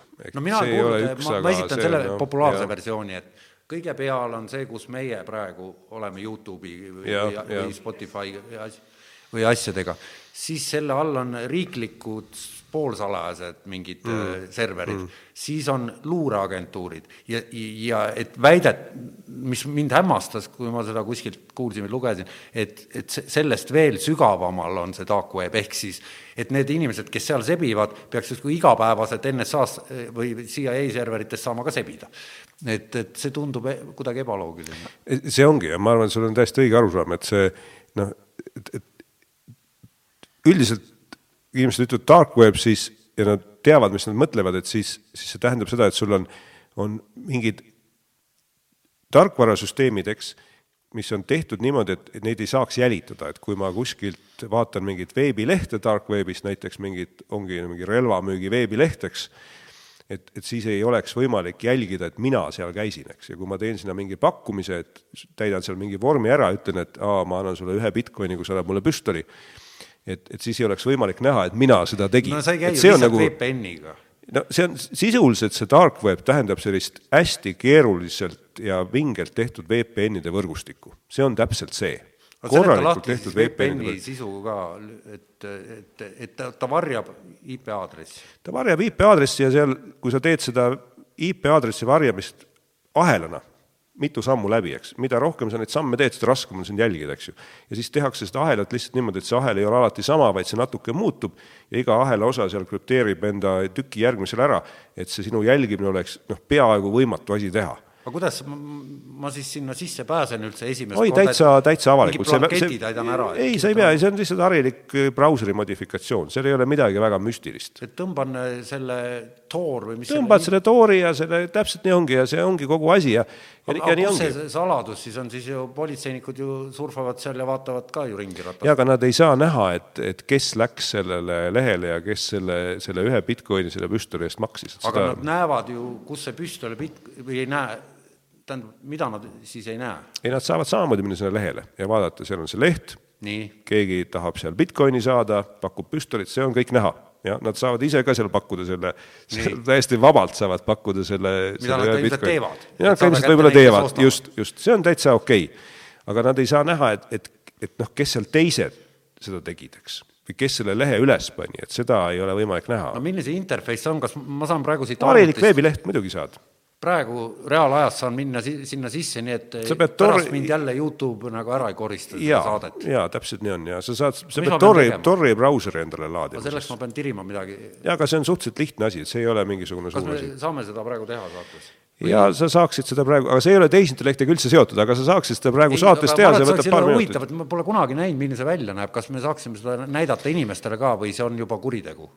Ei, see on täiesti avalik ja vähe sellest, et, et seda Tori brauserit, mis on see peamine tarkveebi tööriist, seda finantseerib USA sõjavägi kogu aeg, algusest peale jätkuvalt, see ongi nende avalik niisugune panus inimkonnale oota, aga see Tarpa siis? ei, see ei olnud Tarpa, minu meelest see oli NSA või, või, või, või maaväed või ma ei mäleta, või Navy või üks niisugune suur väekoondis. Ja sa väidad, et praegu ma lihtsalt mingi paari sekundiga tõmban selle alla ja teen paari sekundiga lahti, mitte, võib-olla minut, kaks läheb, jah. aga Ta keegi ei- üldse saab kindel olla, et nagu USA või Hiina või Venemaa mingid niisugused superarvutiteadlased tegelikult ikkagi ei näe päris hästi seal dark webis mm.. sest noh, see, et inimesed arvavad, et keegi neid ei näe, see ei tähenda tingimata, see on, see on õige, ei tähenda tingimata, jah, on mingi šanss, et, et seal on tagauksed, eks, et neid saab jälgida, see šanss on olemas. samas on natuke see, et, et kui, kui keegi neid tagauksi kasutaks, siis nende kasutamist on väga raske noh, salajas hoida, eks ole, nii et see on pigem ma arvan, et neid väga ei ole, sest muidu nende kasutamine tuleks jälle välja, eks, aga muidugi me ei saa päris kindlad olla. et, et, et kas on nüüd see? Et ta peaks olema, jaa, Tor Project Mac OS X installation instructions, täpselt see, jah. mitte see ülemine, aga see, kus sa näed seal, see Tor Project Mac OS X, jaa, see on see. nii, ja siis tõmban selle alla ja aa, okei okay,, meie üleslaadimiskiirus veab meid täna alt niimoodi, et me ei saa seda publikule näidata. see on, see on nagu, see on selline modifitseeritud Firefoxi brauser, kus on kogu see Tori protokollindus sisse ehitatud, see on mingi paarkümmend megabaiti. ja, ja mis seal siis avaneb, et, et põhimõtteliselt, et mina müün relvi, sina müüd heroiini seal on- ja siis on- muudkui aga kaupleme Ei, Bitcoinidega ja, ja seal on tege, Pollarvaid. tegelikult seal on see suurem rakendus on umbes see, et sa võid käia justkui täitsa harilikus veebis igal pool ja sa tead lihtsalt, et sind ei saa jälgida, et Google ei saa sind jälgida, Eesti Telekom ei saa sind jälgida, eks ole, keegi ei saa sind jälgida. et sa võid lihtsalt käia anonüümselt veebis, kui sa tahad, et, et sellest ei jääks jälge maha, see on, see on peamine rakendus. ja selline eksootilisem rakendus on see, et sa otsid sealt üles mingisuguseid eh, noh, keelatud asjade müügiportaalid ja püüad seal äri teha, eks ole, see on natuke eksootilisem rakendus ja enamasti, kui inimesed seda kasutavad, siis nad lihtsalt mingil põhjusel tahavad käia anonüümselt. Okei okay,, harilikel veebisaitidel anonüümselt. selleks on see Tori brauser. jaa, see on tema peamine eesmärk. ja USA sõjavägi tegi selle, selle jaoks, et ise seal oma asju ajada, et teised ei näeks ja siis põhimõtteliselt küll, jah. ja siis see läks lappama lihtsalt. ei, nad, nad annavadki seda avalikult välja. aga mid- ja siis neil endal on järelikult midagi teravamat käsil. ma, ma kahtlen, ma arvan, et nad äh, kasutavad sedasama asja, kuigi ega ma ei tea. nojah, nad räägivad mobiiltelefonidega just, nad räägivad, e- ega, ega ega siis sõjavägi ei jõua kõiki maailma asju teha, et nad põhiliselt tegelevad ikka relvadega või sellega, mis neil konkreetselt vaja on ja mis nad äh, oota, aga vaata, sa tead ju, mis asi on echelon, eks? Nagu meil jutt juba sinnakanti läks. et see vist seitsmekümnendatel loodi päris vana plaks, ma ei mäleta, millal see on algselt välja tuli. see on siis see NSA asi, mis äh, salvestab kõik, salvestab kogu informatsiooni, mis digitaalsel kujul liigub või, või, või üle mobla või, või läbi arvuti kuhugile serveritesse ja mis on kuskil väidetavalt Utah osariigi mm, mm. mingis kaljus kuskil mm. äh, säilitatakse ja siis, kui on vaja uurimisorganitel kellegi kohta midagi välja võtta, siis neil on kõik minu, sinu, kõigi maailma inimeste mobiiltelefoni kõnede salvestised olemas, mida siis vajadusel nagu välja otsida ja vaadata, kas see jutt vastab tõele? osa, osaliselt küll ja no need suured detailid, mis sellest välja tulid, eks, olidki needsamad Snowdeni, Snowdeni avaldused, eks, siis kui Snowden hakkas avalikustama seda siin mingi hulk aastaid tagasi, siis see on täpselt see, millest ta põhimõtteliselt rääkis, et see on, see on Echeloni selline kaasaegsem versioon, eks, et see Echelon on hästi vana ja Snowden rääkis sellest, mis siis praegu on. aga no aga sellest on ka juba ikka, Snowden varjab ennast Venemaal juba tubli ja, viis aastat. varjab tubli viis aastat, jah. Aga noh, ma arvan, et eks see põhimõtteliselt on see asi täpselt samamoodi nagu praegu, nagu ta siis on, et ju seal midagi ikka natuke ümber tehti, aga enam-vähem sama, aga ma hästi ei usu, et kõiki asju kogu aeg salvestatakse, sellepärast et noh, need mahud läheksid ebarealistlikult suureks, et selge, et nad püüavad natuke valida, et mida ja kui kaua nad salvestavad ja aga kas see indi-, Hiinas toimib, juba toimiv sotsiaalne indeks, mis on see kümnepallisüsteem, mis Jaa. et, et, et see on ju see, et, et praktiliselt kõik hiinlased on kogu aeg näotuvastusprogrammiga pildil nii-öelda ja kuhu poodi lähevad, vastavalt sellele nii, nii ma olen kuulnud, ma, ma ei tea, kui ei, palju see tegelikult on. et.... ma vaatasin mingit dokfilmi, seal näidati, et noh, reaalselt inimene, mingi ajakirjanik ütles, et ta ei saa enam bussipiletit kõrval linna osta, sellepärast et ta räägib valet juttu ja tei-, mingi noor perekond, kellel üle kaheksa punkti siis kümnepallisüsteemis saavad äh, madala intressiga laenu ja riigi poolt korteri. et seal käib juba selline tõsine asi. et, et see eeldab ju ka teatud tehisintellekti jah, see, see on. ja kas seda ka NSA nüüd salvestab ja topib serveritesse? ma ei tea, ma ei tea, ma arvan, et NSA kõike ei jõua, ma arvan, et ta teeb seda natuke valikuliselt ja kõigile ta ei pääse ka ligi, et ma ei ole väga kindel, et nad igale poole Hiinasse ligi pääsevad, et. ma just mõtlengi, et mis äh, Hiinas on ju. ma olen lugenud ühte hiinlase raamatut, kes äh, väidab, et järgnev, järgneva viie aasta jooksul läheb Hiina tehismõistuse areng ka Ameerika omast mööda. no Nõukogude Liidus ka öeldi selliseid asju juba väga ammu, et kuidas Nõukogude Liit läheb Ameerikast mööda ja ette ja ja, ja siis oli, oli mingi paarkümmend aastat tagasi oli suur Jaapani nimetatud viienda põlvkonna projekt, mis ka ütles, et me siin Jaapanis tegime suure maja ja paneme palju arvuteid ja tea-, ja neid tehisintellekti uurijaid ja läheme kõigist ette ja ja ma, ma olen väga skeptiline selliste asjade osas. tähendab, mis mõttes, ütleme, kui hiinlased tõepoolest oma rahvast, nii-öelda suur vend jälgib Nad on välja lõiganud ennast või eraldanud mingil imemoel, millest ma ei saa aru, võib-olla sa seletad, Google ei ole seal päris kõigil kättesaadav, ma saan aru, eks. et ne-, neil on justkui mingi oma, oma mingi no just. et, et mis, kuidas see võimalik on? no miks ei ole, miks eraldamine ei ole üldse väga võima-. no venelased et, rääkisid, et nad teevad teise interneti, see naerdi kohe välja, et no, no Hiina on muidugi suurem ka kui Venemaa ja, ja no niipea, kui sa hakkad ennast ära piirama, siis on selge, et sellel on väga negatiivsed mõjud, et inimesed noh, ei saagi guugeldada, et see on, see on kehva, eks. et see ei ole võib-olla hea. Xi meelest ilmselt ei ole kehva no ma ei, ma ei tea, ma seal kindlasti see, nad, seal kindlasti on ka Xi meelest on seal negatiivsed efekte, eks ju, nad siis leiavad, et need positiivsed nagu suuremad. tehnoloogilise arengu mõttes see enamasti ei ole sellised piirangu asjad head, no me kõik teame seda no. et ma arvan, et see, et nad ennast ära piiravad, küll kuidagi ei aita kaasa nende tehisintellekti kiiremale arengule, et pigem ikka vastupidi. aga kas käib võidujooks Hiina, Vene, Ameerika? ma arvan, et ei käi. tehisintellekti vallas? ma arvan, et üldse ei käi, ma arvan, et, et see on kõik natukene ülepaisutatud et võidurelvastumine aga miks sa arvad, et ei käi, kas sa oled nagu veendunud, et ameeriklased on ikkagi niivõrd palju hiidlastest äh, ja ka venelastest näiteks üle? sest mulle kuulub, kõlab, ma ei ole sellel alal asjatundja, aga poliitikast, eriti rahvulisest ma ühte, üht-teist tean et arvad, et see on lihtsalt puhas niisugune kas või see ameeriklaste terav vastas, vastuseis Huawei'le ja sellele viienda põlvkonna äh, ühendussüsteemile, eks ole, kas, kas see on lihtsalt poliitiline põhjus, et tehniliselt ei ole ameeriklastel või ka meil siin Eestis mingit põhjust Huawei'd karta või hiinlaste, mis selle läbi tekib, hiinlaste võimet meie järgi luurata? et see on lihtsalt niisugune noh, tegelikult ei, ei, seda ma ei tea, ma, ma ei tea, kas, kas hiinlased püüavad meie järgi luurata või mitte, et ma, ma kahtlustan küll, et, et hiinlased tahaksid ameeriklaste järgi luurata, et see tunduks justkui mõistlik mõte, eks ole, et kui vähegi saaks, püüaks seda teha. nii et, nii et see kahtlus on, ma arvan, jumalast põhjendatud, eks, aga kas nad tegelikult seda teevad või suudavad, seda ma ei oska öelda kahtlus on loomulikult põhjendatud, kõik riigid on alati luuranud teiste riikide järgi, eriti kui need just ülearu sõbralikud ei ole. aga küsimus on võimes, et siin käib, mina ei tunne seda tehnilist poolt, aga poliitilisel tasandil, aga mõneti majanduses, kus käib vaidlus, et, et tegelikult Huawei ei kujuta mingit reaalset ohtu lääneriikidele ja nende kodanikele, et nad no, ei suudaks eriti ma, ma seda, äh, luurata, aga ameeriklased väidavad väidetavasti osaliselt poliitilistel põhjustel, et suudavad, et lihtsalt konkurente turult kõrvale tõrjuda. ma arvan, et osaliselt on see kindlasti nii, ma arvan, et osaliselt on see konkurendi kõrvale surumine ja teisest küljest on see natuke selline noh, suurem kauplemine Hiinaga, et püüame neile näidata, et me tekitame teile suuremaid ebamugavusi, kui te ei tule jällegi meiega mingisuguse kanaliha müügi limiitide osas vastu, eks ole, et ma arvan, see on natuke nagu see teema ja kui sa praktiliselt mõtled, et kui palju see Hiina suudaks seal luurata, siis on suhteliselt selge, et noh, et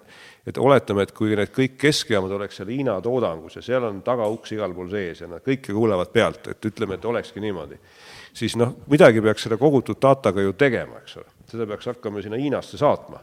ja niipea, kui sa hakkad seda massiliselt Hiinasse saatma, siis need on tohutud datakogused, et neid ei saa mitte kuidagi salajas teha nii et, nii et see, see reaalne võime selle dataga, mis sa sealt läbi lased, midagi ette võtta, on erakordselt piiratud, eks, et nad, ega nad väga midagi seal luurata ei jõuaks et ütle, kuidas see üldse käib, et ma kuulsin niisugust numbrit äh, saates, et äh, et tunni aja jooksul lükatakse üles ainuüksi Youtube'i, see oli, no see oli ikka väga suur hulk terabaite. väga suur hulk on kindlasti. väga suur hulk. Iga minut läheb. me, meie teeme ja. siin, no, noh, see on kük-, no tohutu hulk ja, ja, ja see ju kasvab eksponentsiaalselt. et, et et noh, et, et kas see ešelon on nagu piiramatu?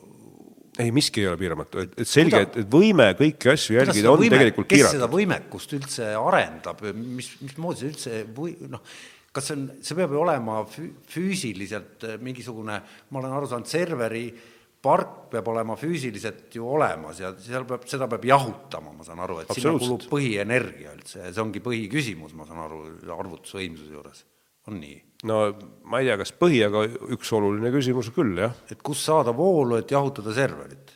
et kus hoida luureandmeid, mida tuleb eksponentsiaalselt juurde et, et mis on selle ei no kindlasti need, see NSA võimekus äh, on oluliselt väiksem näiteks kui Google'i võimekus. Ma selles üldse ei kahtle. miks sa arvad, nad ühes pundis ei ole? Nad võib-olla natukene on ühes pundis, see võib täitsa olla, aga aga kui sa mõtled, et noh, et NSA-l on mingi oma serveri park, kus nad hoiavad kõiki pealtkuulatud asju, noh, Google ei hoia kõiki, ta ei saagi kuulata pealt, ta ei saa sinu mobiilkõnesid kuulata, tal ei ole üldse sellist tehnoloogiat. Ta, tal ei ole juhtmeid sinna igale poole. Google ei saa seda kõike teha, et ta saab teha neid asju, mis käivad läbi Google'i.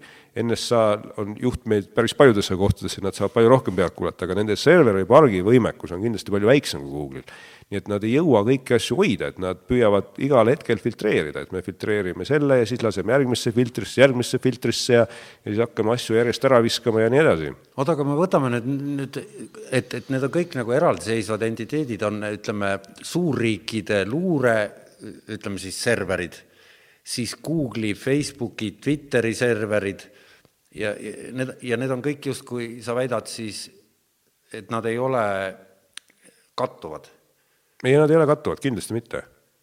ja et kisa käib praegu noh, me avalikult käib selle ümber, et, et mis siis juhtub, kui Facebook ja Google ühinevad, et siis tekib mingi arusaamatu suur vend, monopol, noh, kogu maailm, et seda ei tohi lasta mingil juhul juhtuda. mina arvan, et ka Google ja Facebook oleks hea ära lõhkuda.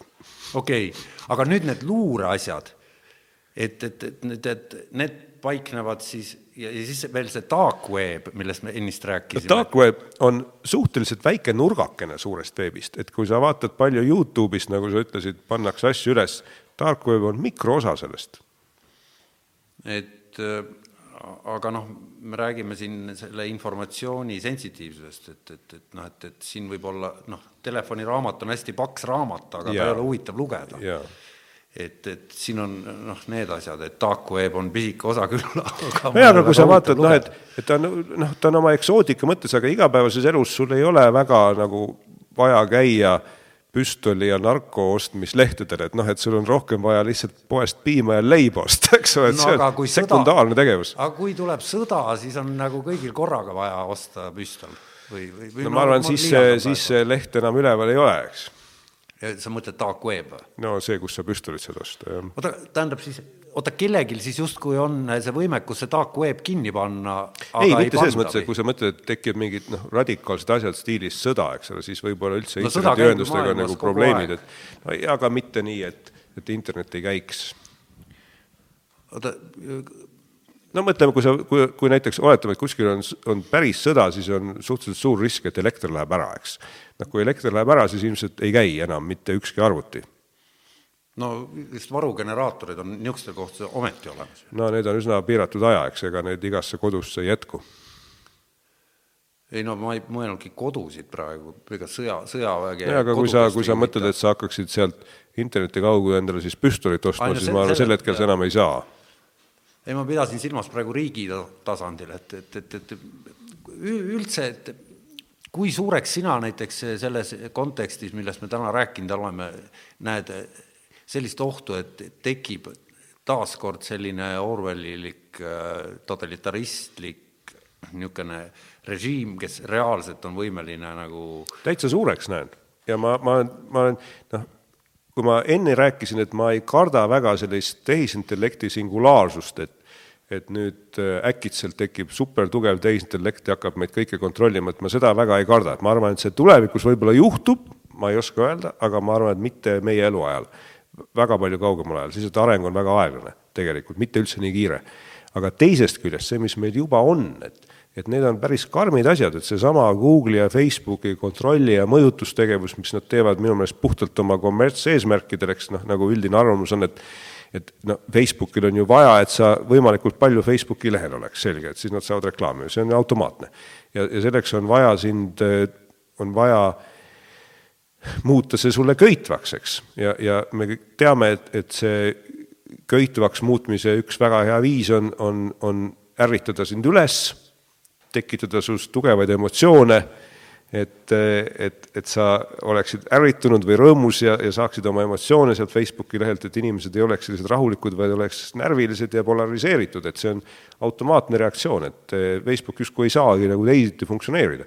ja kui see nii on ja me näeme, et selline polariseerimine kogu aeg toimub ja teisest küljest täiesti jumala harilik tarkvara pluss need nõrgad tehisintellektid, mis meil on, teevad seda, et, et, et lihtsalt majanduslik võimsus koondub kogu aeg ja kontsentreerub, eks ta toimus niisugune terav majandusliku võimu kontsentreerumine ja samal ajal inimeste intensiivne polariseerumine, siis see kõik võib viia väga jubedate ühiskondlike mullistusteni, eks ole, niisuguste revolutsioonitaoliste olukordadeni, see ei ole üldse võimatu.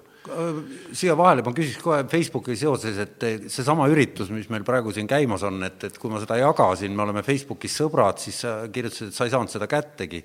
et, et ja, ja teised inimesed saavad noh, saavad kätte ja sina ei saanud kätte, et ja, ja, ja kas sa oskad seletada, mis asi see nüüd reguleerib seda, kui ma jagan see on, see on Facebooki üks põhilisi, põhilisi katsetamis- ja uurimise asju, mis nad üldse teevad, et seesama Facebooki feed, mis sulle tuleb, on Facebooki tehisintellekti tehtud nii-öelda. ja sellest ei saa mina küll aru, mis loogika järgi see töötab. aga see ongi hüsteeriliselt keeruline loogika, kus nad kogu aeg katsetavad, et see on umbes niimoodi, et et, et öeldakse, et kogu aeg on käimas umbes mingi tuhat erinevat eksperimenti erinevat sorti tehisintellekti algoritmidega seal kõhus, nii et üks, ühe inimese jaoks rakendub üks ja teise jaoks teine, et vaadata, kuidas mõjub.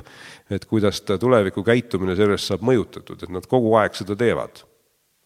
ja ma just äh, juhtusin vaatama ühte, ühte intekat selle Jack Dorsey'ga, kes on siis Twitteri omanik ja siis ta selle, ühesõnaga see jutt oli pikk, aga lõpuks tuli välja see, et, et ta ütles, et jah, et ega me ise ka ei tea, kuhu see asi välja viib, aga et me püüame parimat. no ma kuulasin sedasama no siis, et see oli ju lahe, et, et vend ütleb, et ta oli, naisjurist oli ka kaasa jaa, toodud ja, jaa, ja see oli no,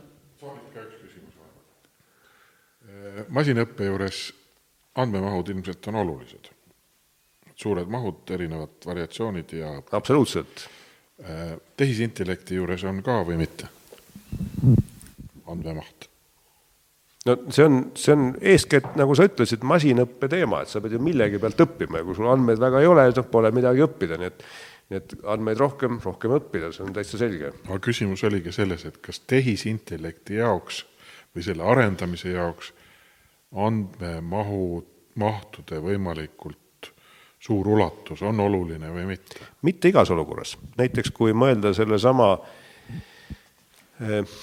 suure saavutuse peale, et, et iseõppiv maleprogramm õppis ikka väga hästi mängima, siis ta ei õppinud üldse andmemahtude pealt. ta õppis ikkagi selle pealt, et ta, et programmi üks versioon mängis teise versiooni vastu ja siis see programm kogu aeg katsetas, et kui ma natuke ühtemoodi mängin, kas läheb paremini natuke teistmoodi mängin, läheb halvemini et seal andmemahtusid peaaegu noh, muid ei olnud, kui ta ise genereeris, et ta iseenda vastu mängis ja kogu aeg katsetas, et selle alus andmemahtusid väga üldse ei olnud, nii et et see ei ole igas olukorras niimoodi ja kui sa mõtled ka, et sa juhid mingit robotit, eks, siis selge, et, et, et roboti mingid tegevused no ei ole õpitud, et sa midagi seal natuke rehkendad ja ja planeerid, eks ole, mõtled natuke ette, et seal ei ole tingimata väga suuri andmemahtusid vaja, samas kui sa tahad seda roboti käitumist optimeerima hakata, siis noh, oleks vaja näha, kuidas ta reaalses elus siis tegutseb, eks, aga sul ei ole miljonit robotit võtta, kes on kõik variandid no, läbi käinud, see on küs... ikkagi selline üsna väiksed andmemahud. küsimus tuli teie eelmisest teemast ehk äh, näiteks Facebookist, kus seal süsteemid taga proovitakse ühtemoodi, teistmoodi, seal ilmselt on need mahud olemas, millega mängida saab. no täpselt, inimesed ongi, nii palju kui inimesi on, nii palju seda andmemahtu tuleb, et et mida rohkem inimesi, seda parem, eks ole, aga noh, see, see, see kõik läheb täpselt samasse auku, sellepärast et niikuinii Facebooki eesmärk on see, et sul oleks võimalikult palju inimesi, inimesed tekitavad ka seda andmemahtu, eks ole, meie peale katsetada, et et see on suhteliselt loogiline. aga aa, üks teema, mis mul tuli meelde, mida ma alati püüan rääkida, kui see tehisintellekti värk teemaks tuleb on selline paralleel sellise tuntud, tuntud mõttega nii-öelda Hiina ajust, nagu seda vahel nimetatakse, et me võime ka mõelda niimoodi, et, et kogu see ühiskond, mis meil on, eks, suur mass inimesi, see nende omavahelised suhtlused, kõik see kaadervärk, et see on ka nagu omaette tehisintellekt, eks. et me võime ju alati spekuleerida umbes sellise mõttega, et meie oleme rakud selles suures ühiskondlikus peas või, või mitmes ühiskondlikus peas. no Kaia teoorias mõeldakse, jaa, Kaia teoorias mõeldakse enamasti rohkem seda, et et maa ise on nagu mõistuslik olend, et kõik need rohulibled ja mutukad no seal sees osa. ja meie oleme osa sellest, eks, et me võime ka nii mõelda, aga, aga sa võid võtta sellest Kaia teooriast sellise noh, ka lihtsalt väikse osa ja öelda, et vaatame ainult inimesi, eks. et jätame need mutukad kõrvale no, korraks. saab jätta niimoodi? No saab, ma arvan, et me võime ka nii mõelda, et noh, mutukad on kahtlemata olulised meie jaoks, eks, aga me võime ka nii mõelda, me võime ka mõelda ainult sinust üksi, et sul on ka väike intellekt peas ilma mutukateta. aga, aga me võime mõelda ka kõigist inimestest, eks, ja, ja selge, et, et, et, et kui sa hakkad mõtlema, et mis mulle selles näite juures meeldib, et kui sa vaatad enda ümber mingeid asju, mis on nii-öelda inimeste tehtud, eks, see tass, mikrofon, arvutid, mis iganes, siis ei ole ühtegi inimest, kes oskaks neid teha. see on täiesti nagu ei oska, keegi ei oska. iga, isegi väike asi on tegelikult, sisaldab hirmus palju keerulist kama. ja rääkimata siin mingist arvutist või suurest kosmoselaevast, eks. ja kui ükski inimene ei oska neid asju teha, siis on küsimus, kes need asjad meie ümber on teinud. ja, ja siis sa võid öelda, et okei okay,, et see ühiskondlik tehisintellekt ongi teinud mis see muu, eks, inimesed üksi ei oska, et inimesed ikka samasugused, nagu nad olid viiskümmend tuhat aastat tagasi, see kivi-kirve ajastul, eks, põhimõtteliselt samad. ja, ja mis on arenenud, ei ole mitte inimesed, vaid see inimeste tehtud tehisintellekt, kus inimesed on nagu väiksed rakud, nii et mingis mõttes see tehisintellekt on olemas. ja vaata, seesama Putnami näide ajust potis, et selle, selle üks mõtlemise viis on selline, selline nagu hüpotees, mida keegi ei oska kuidagi teha, aga me võiks umbes mõelda, et kui oleks superkõvad neuro, neuroteadlased ja oskaksid üksikud neuronid asendada selliste noh, transistoridest neuronitega, siis võiks hakata nagu ükshaaval neuronid asendama näiteks et võtad inimese peast ühe neuroni, paned sinna mingi kunstneuroni asemele, võtad teise neuroni, paned kunstneuroni asemele. ja, ja kui see siis kuidas siis sünapsid? ja no ühesõnaga ühendad kõik traatidega ära, no oletame, et me oskaks seda teha. ja no mõeldav, eks nii-öelda. ja nüüd kui sellist oppi teha, siis no inimene võiks ju isegi teadvusel olla, eks ole, sellepärast et ajuoppe teadupärast saab teha niimoodi, et inimene on teadvusel, nii üldiselt tehaksegi, sest aju valu ei tunne, seal närviretseptorid ei ole ja nüüd, kui sa niimoodi järjest asendad, siis võiks ju lõpuks juhtuda niimoodi, et inimesel on kõik neuronid asendatud kunstneuronidega, et ei, sa ei pannudki midagi tähele, sellepärast et kõik toimus samaaegselt, oli teadvusel. oota, aga tema põhimõtted selle miski inimese ei muutuks, kui on samad neuronid, kunstneuronitega asendatud, töötavad samamoodi, noh, siis ei, mitte midagi ei juhtu. võiks olla võimalik, see on selline hüpoteetiline käik, sest noh, tegelikult keegi ei oskaks seda teha, eks.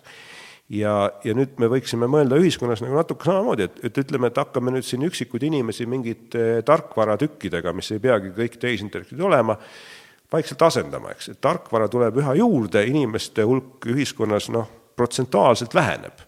et mida rohkem sa teed arvutit ja tarkvara, seda vähem on selles ühiskondlikus kaadrivärgis nagu inimeste protsenti ja, ja iseenesest kõik see kaadervärk meie ümber, et noh, need pliiatsid ja teed ja elektripostid ja majad, eks, et need on ka kõik nagu selle ühiskonna masina osad, et ilma nendeta ju midagi ei oleks, et kui sa võtaksid võtaksid kõik selle, selle tehnoloogilise kaadervärgi meie ümbert ära, siis me oleks kõpsti kiviajas, eks ole, me ei suudaks enam midagi teha. aga võib-olla olekski parem. ei no see, see on omaette teema, aga, aga kui me ei vaata seda, et kas oleks parem, vaid mõtleme, et noh, mis siis nagu tegelikult juhtub, siis, siis on täiesti, me võime niimoodi mõelda, et, et me olemegi rakud suures sellises ühiskonna tehisintellektis ja autod ja pastakad ja, ja lambipirnid ja arvutid on ka selle osa ja kuna neid arvuteid tuleb kiiresti kogu aeg juurde ja tarkvara nende sees, siis lihtsalt see inimeste protsent ühiskondlikus tehisintellektis kogu aeg vaikselt väheneb ja see arvutite protsent kogu aeg suureneb, nii et, et me võime soovi korral mõelda umbes nii, et, et me olemegi juba tehisintellektis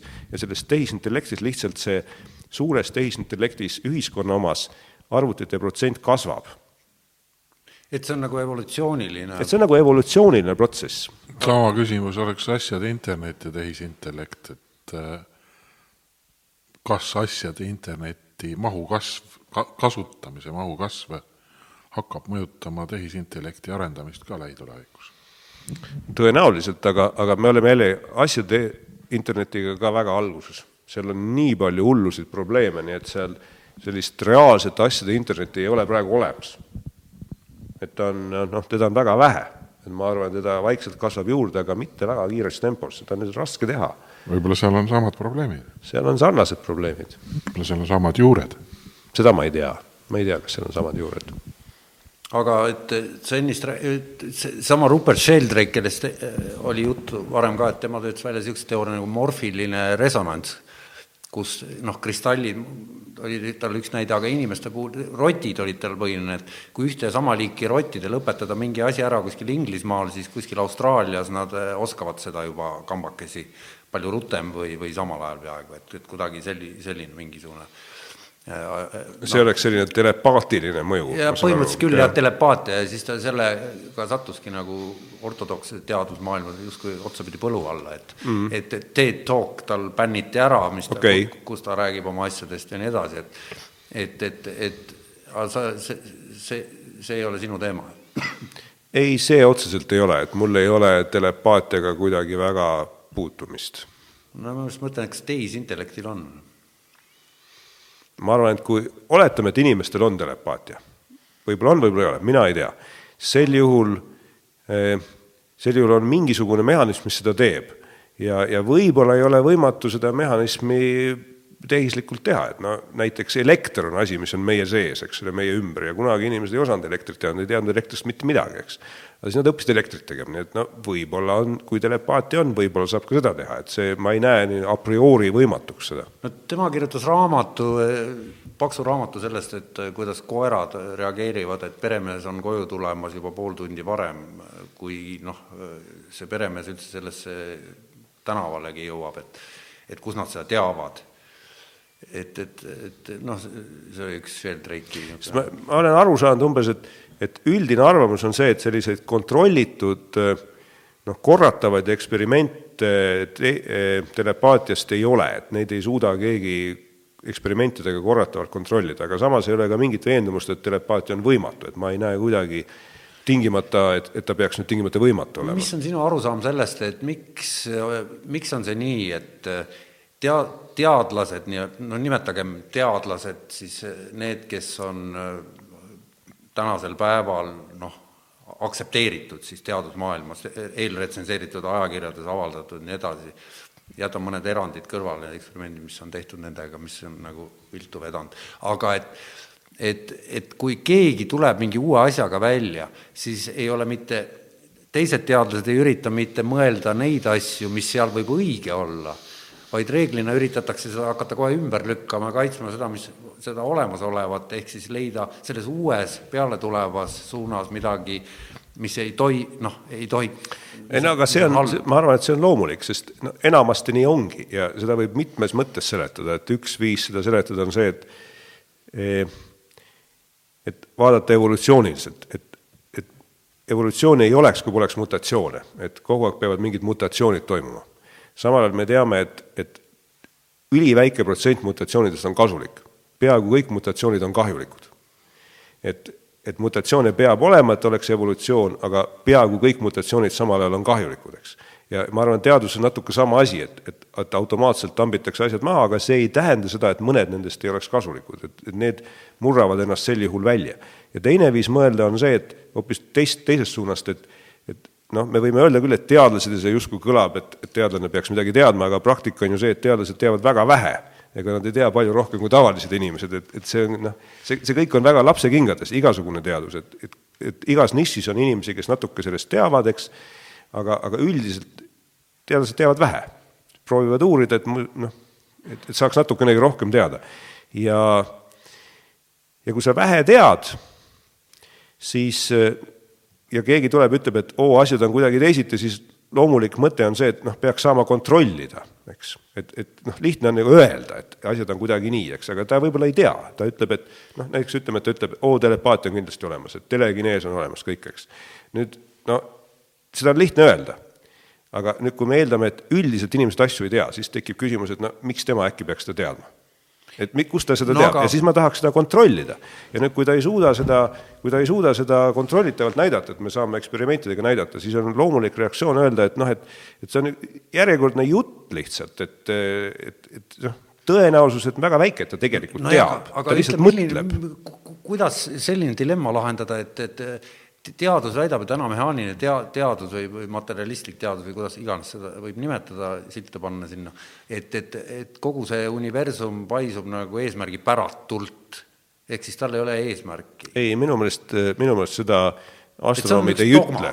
ei, ei ole, ei, astronoomid minu meelest seda asja ei ütle, et nad lihtsalt väldivad seda teemat, et no et evolutsioonil ei ole põhimõtteliselt ju, kooli, koolis õpetatakse ju seda, ei õpetata ju, keegi ei räägi evolutsiooni eesmärgist siis me peaksime kohe Jumala sisse tooma, seda ei saa ju ei no, ei no saab küll, sest hästi suur protsent inimkonnast on usklikud, eks, nii et nad võivad väga rahulikult selle Jumala sisse no tuua, et tead, teadlastes on ka päris suur protsent inimesi usklikud, et see no, ei ole kuidagi keelatud ega halb, eks ole, aga, aga sellegipoolest, sellegipoolest nad ei räägi sellest. aga vot siin ongi see minu küsimus, et, et ajakirjas Science ei arutleta Jumala teemal, seal see teema on ikkagi, olgem ausad, on tabuteema ja ta on lihtsalt sellepärast, et et noh, me saame ju aru, et me tegelikult ei tea, et me ei suuda korraldada mingisuguseid erilisi eksperimente Jumala olemasolus, et see on suhteliselt võimatu asi teha ja no,, ja, ja kui me seda ei suuda teha, siis, siis jääb järgi lihtsalt selline jutt ja usk, aga see on teine valdkond. et kui sa ütled teadust, siis mõeldakse seda, et, et me saame öelda, et kuule, vennad, et tehke samasugune eksperiment nagu teie ja, ja tuleb välja, eks. ja kui sa seda teha ei saa, siis on see teine valdkond nojah, see on, noh, bioloogias on, on see, et, et noh, et pärit, päritavus kui mõiste, et, et see kõik on geneetiline, jällegi noh, niisugune materiaalne asi, geenid, millest meil jällegi, nagu ma aru saan, suurt aimu ei ole, aga et see no geenidest on palju rohkem aimu kui tehisintellektist igal juhul. tõsi või? muidugi. geenid on lihtsalt nii palju lihtsamad asjad, et keegi muidugi ei tea, kuidas kogu see kogu see geenivärk kõik tervikuna töötab väga hästi, aga sellest on palju rohkem teada kui sellest, kuidas mõistus töötab. kui palju see rämps DNA, mitu kilomeetrit tänase päeva seisuga on rämps DNA ja ma ei tea, ma, ega ma nii, nii hästi seda ei tea, aga aga no täitsa selge, selge on see, et kui sa võtad ühe geeni ja mis tükid seal on ja võrdled seda ajuga ja vaatad, mis tükid seal on, siis need suurusjärgud on väga erinevad nojah, vot jääb väljaspoole minu tead-, teadmist. ei no aga vaata ise, no aju on suhteliselt suur, eks. geen on suhteliselt väike no,. ilmselgelt aju on, on rämedalt keerulisem asi kui geen. no delfiini aju on kolm korda suurem kui inimese oma, selle üle spekuleeritakse ka, et ta peaks siis olema kolm korda targem ja mõned ütlevad, et ongi. see on vist mingi konventsionaalne arvamus on, et, et rakkude arv on olulisem kui rakkude hulk et vaala aju ja elevandi aju on ka väga suured, aga neil üldiselt on suured rakud. et neil ei ole väga palju rohkem rakke, ma täpselt ei mäleta, aga see ei ole nii, et neil on palju rohkem rakke, ei ole, neil on lihtsalt suuremad rakud. tähendab äh, füüsiliselt suuremad. füüsiliselt suuremad. mõõtude poolest. suuremad on neuronid, jah. nagu saba on suurem, eks. loom ise on suurem. ja, ja, ja, ja need neuronid on ka suuremad. nii et see ei peegelda intelligentsi, tarkust ega mitte midagi muud kui lihtsalt füüsiliselt suurem aju ja kogu moos. Mm.. rakkude arv. ja aga noh, nende ajud ei ole ka kehvad, neil on ikkagi päris palju neuroneid, päris keerulised asjad, eks, aga aga, aga inimese, inimese selles ajukoores on rohkem rakke kui neil.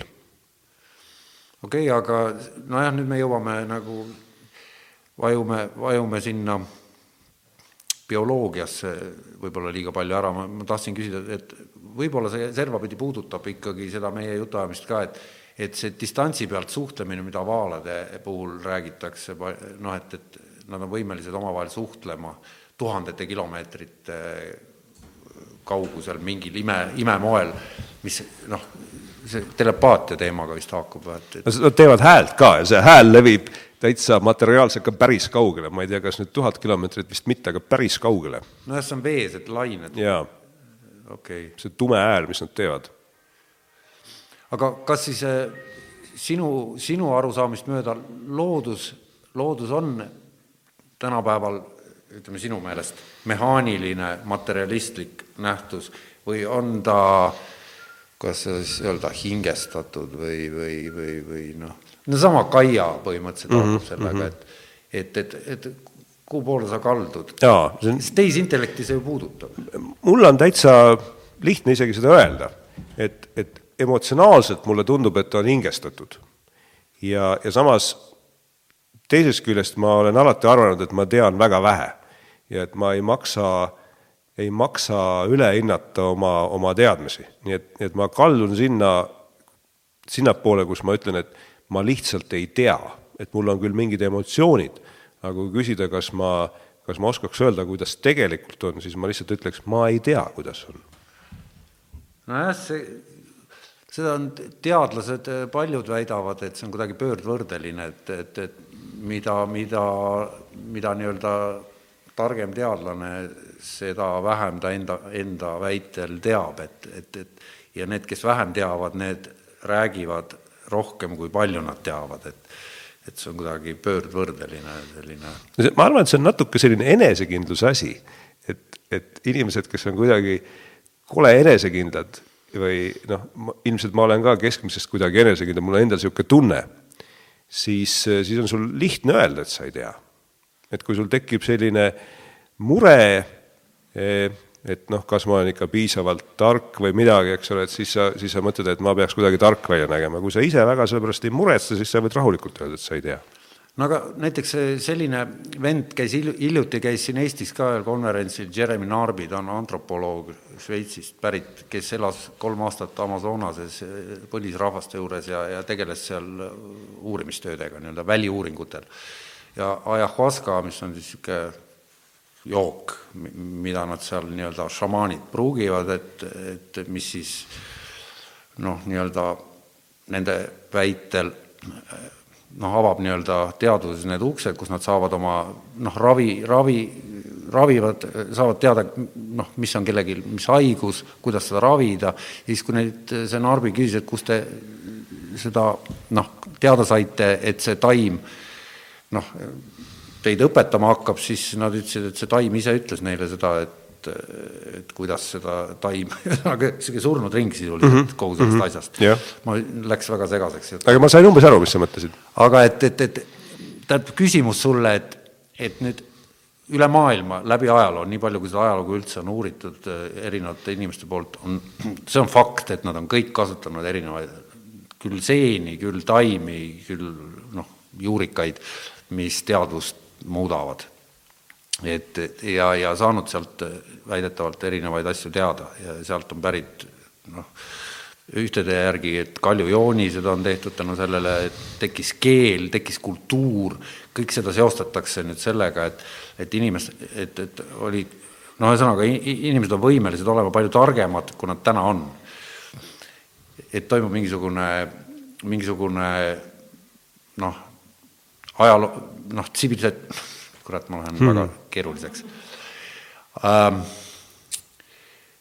Ähm, kuidas ma selle, et, et enne meid on selle, et, et see on nagu tsükliline, et on, on olnud kõrgeid kõrgelt arenenud tsivilisatsioone siinsamas maa peal korduvalt enne meid ja nüüd me oleme jälle teel sellesama koha peale, kus kõik jälle toimub mingi apokalüpsis ja, ja, ja, ja siis hakkab kõik jälle nullist jälle mhm. ajapikku arenema ja, ja, ja sellele on leidnud ka arheoloogilistel väljakavamistel teatud tõendeid ja Göbelki teepe on üks, millest on no, tepe ei ole nii vana, ta on noh, ta on ikkagi kolmteist tuhat aastat umbes. ei, kümme tuhat umbes no kümme tuhat umbes.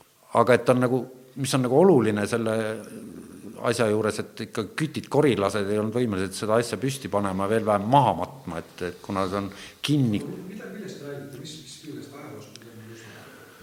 Et Göbekli tepest, jaa. see on kuskil kümme tuhat aastat, aga see on küttide korilaste ühiskond ikkagi, mis selle püsti pani. ei no praegu ei kuul-, jah, et jah, et, et see, aga mis see, sa oled selle kohta midagi noh, nagu no nagu, nagu sina ilmselt, et ma olen ka huvi pärast äh, lugenud ja vaadanud uudiseid, mis Göbekli tepe kohta jälle, jälle on teada uuritud, et see on väga põnev, eks, aga, aga mulle see kuidagi ei jäta sellist tsüklilise äh, hävinemise ja taastumise muljet, et, et ma olen rohkem selline traditsioonilise evolutsiooni usku, et ma arvan, evolutsioon kogu aeg toimub selliste väikeste üles ja alla hüpetega aga ma ei näe mingeid märke sellest, et maa peal oleks olnud sellised ülitsivilisatsioonid, need siis hävinud jälle nullist pihta, et et noh, see ei ole ju põhimõtteliselt võimatu, et see nii on, aga mingeid märke ei ole ja oma loomu poolest ma kaldun rohkem sellist harilikku evolutsiooni uskuma kõik need kohutavad sajatonnised monoliidid, mida on pandud üksteise otsa väga, väga ammu aega tagasi, et, et seal ei ole ju pole ju seletust ju.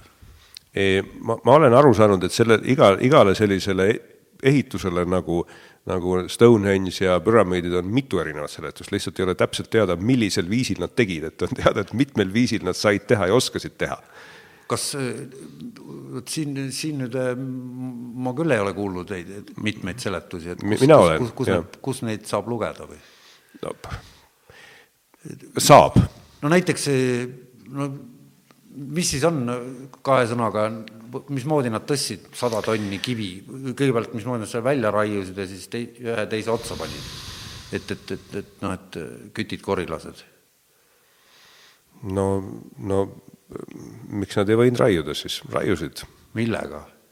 no ma, ma ei, ausalt ma ei mäleta enam oma neid lugemisi sellest arheoloogiast nii piisavalt hästi, et et mul oleks need viisid meeles, aga mul on meeles see mälestus, et see kõik, mis ma lugesin, oli, tundus hästi usutav. nojah, vaata praegu me tõmbame nagu tehisintellekti teemast ikka väga kaugele, et, et ma üritan nüüd nagu seda kuidagi, kuidagi sinna tagasi juhtida, et et kas sa, kas sa näed, et see suund, kuhu me liigume, ütleme, kui me siin rääkisime noh, igasugustest teadust laiendavatest ja. Äh, asjadest ja nii edasi, mis on ajalooliselt olnud väga olulisel kohal erinevates tsivilisatsioonides. ma arvan, et nad on natuke praegu ka. jah, aga noh, et, et siis milleks meil on vaja seda tehisintellekti, kui need teadmised on, on olemas ja neid on võimalik kätte saada ainult süües mingeid taimi? Ja noh, see on see on natuke see, et kas meil on vaja abilisi tehnilisi, et ise mitte tööd teha lihtsalt või me jõuame ikka jälle sinna mingite robotiteni või, või on meil reaalselt vaja ikkagi tead-, noh, mõistust juurde? see on väga raske öelda, et, et ühest küljest noh, kõik saavad ju aru, et et kui me vaatame oma sellist elukvaliteeti, kui näljased me oleme või, või kui haiged me oleme, kui kaua me elame ja võrdleme seda ajaga viissada, kuussada aastat tagasi, siis olukord on praegu palju parem, et ma ei tahaks ennast vahetada olukorraga viissada, kuussada aastat tagasi, et see tundub kuidagi objektiivselt parem, eks. ja see on kuidagi tänu kogu sellele tehnoloogilisele arengule. teisest küljest ma, ma kaldun arvama, et, et, et see tehnoloogiline ühiskondlik areng on äh, ei ole indiviidi jaoks tingimata mingisugune suur eelis alati, eks. et, et inimene tingimata ei lähe sellest rõõmsamaks, et ta teeb palju rohkem ja keerulist tööd. et see on see, mis ühiskond püüab sind panna tegema, et sa teeksid palju rohkem ja keerulisemat tööd efektiivset ja indiviid ise ei lähe sellest tingimata rõõmsamaks, eks, et, et võib-olla inimene ise on näiteks rõõmus, kui ta seal budistlikult mediteerib ja ja, ja, ja, ja tunneb ennast niimoodi rahulikult, vaikselt äh, mingisuguses staasis olukorras, ta võib täitsa jumala õnnelik olla. Samas on selge, et, et ühiskond siis hästi ei funktsioneeri, et kui sa võtad sellise templis istuvate budistide ühiskonna, see ühiskond on väga vaene ja tal ei ole eriti sõjaväge ja mitte midagi ja siis tulevad need ameeriklased oma viinapudelitega ja käivad sellest kõigest üle ja mitte midagi ei järgi enam sellest, mis enne oli, see on täpselt nagu indiaanlastega, eks ole, sa võid seal õnnelik olla oma vigamis, aga siis on varsti need püssid ja, ja, ja viinapudelid kohal ja, ja on kõik, eks, et see lihtsalt hävib, et see on selline ühiskondade evolutsiooniline võitlus nii et, nii et kui sa mõtled ennast sellise, jälle sellise Hiina aju rakukesena, siis eh, noh, rakku võib-olla tingimata väga ei huvita, et kuidas sellel, kuidas sellel organismil tervikuna läheb, et sa oled ju ikkagi selline omaette väikeste mutukate, rakumutukate kogum ja ja sinu huvid tervikuna on võib-olla väga erinevad nendest rakumutukatest, eks, mingis plaanis.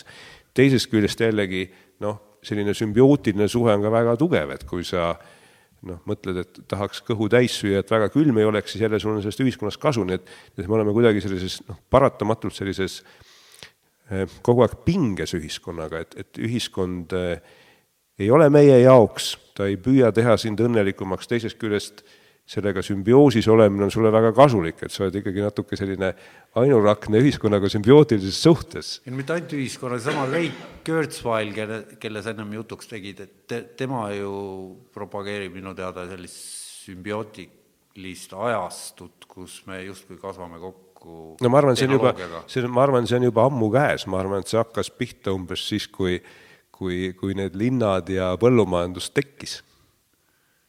no nii ammu juba jah. no põhimõtteliselt jah, kui nii, niipidi, niipidi mõelda, siis lihtsalt see, see seos läheb tugevamaks ja see ümbritsev ühiskond, millega sa sümbiootilises suhtes oled, see, see läheb kogu aeg tugevamaks ja ta läheb ka evolutsiooniliselt tugevamaks, noh, sellesama konkurentsiga. aga no nüüd, nüüd me oleme ajastus, kus üle viiekümne protsendi julgelt elab inim-, inimesi planeedil elab linnades. ja see üle viiekümne protsendi on juba peaaegu neli miljardit et jah, et me peame oma saateaega siin hakkama kokku tõmbama. et aga vasta ikka sellele küsimusele ära, et, et, et kõik need graafikud, millest me yeah. saate alguses rääkisime, okikepi yeah., kõik näitavad plahvatust, ehk yeah. siis kui, kui enam ei ristu need kaks telge, ehk siis see okikepp nii-öelda ei ristu selle selle teise teljega, siis see tähendab plahvatust. et, et, et demograafilised, igast muud niisugused graafikud, millega nüüd ma ei ole enam täheldanud, mingi aeg tagasi vehitasin nagu päris kõvasti, et no sa võid seda graafikut, no igaüks võib sellise graafiku joonistada, aga see ei tähenda, et see graafik on sellepärast tõsi, et sa seda joonistad. ma arvan, et need graafikud on illusioonid. ma tahakski lõpetuseks küsida, et, et mis on sinu nii-öelda noh, see nii-öelda ennustus siis, ütleme, meie elueal, et, et, et mul, on kaks ennustust, ma hea meelega ennustan, et, et üks on see, et et see tehnoloogiline areng on, on oluliselt aeglasem, kui me kõik ette kujutame, et ma arvan, et see, et, et ta on kole kiire meile praegu paistab, see on ka illusioon, tegelikult kui sa vaatad siin viimased kakskümmend, viiskümmend aastat tagasi, ega ta ei ole üldse nii väga kiire ja viimasel ta on üha aeglasemaks läinud, isegi nii võib võtta, et noh, on üldiselt teada, et et näiteks äh, produktiivsus, lihtsalt seesama GDP ja tootmise produktiivsus, et, et selle kasv on viimased paarkümmend aastat aeglustunud. et ta oli siin viiskümmend, kuuskümmend aastat tagasi tunduvalt kiirem, kui ta on praegu. nii et, nii et kõik need asjad ei ole üldse nii roosilised ja seda okikeppi tegelikult nii väga ei paista iseenesest.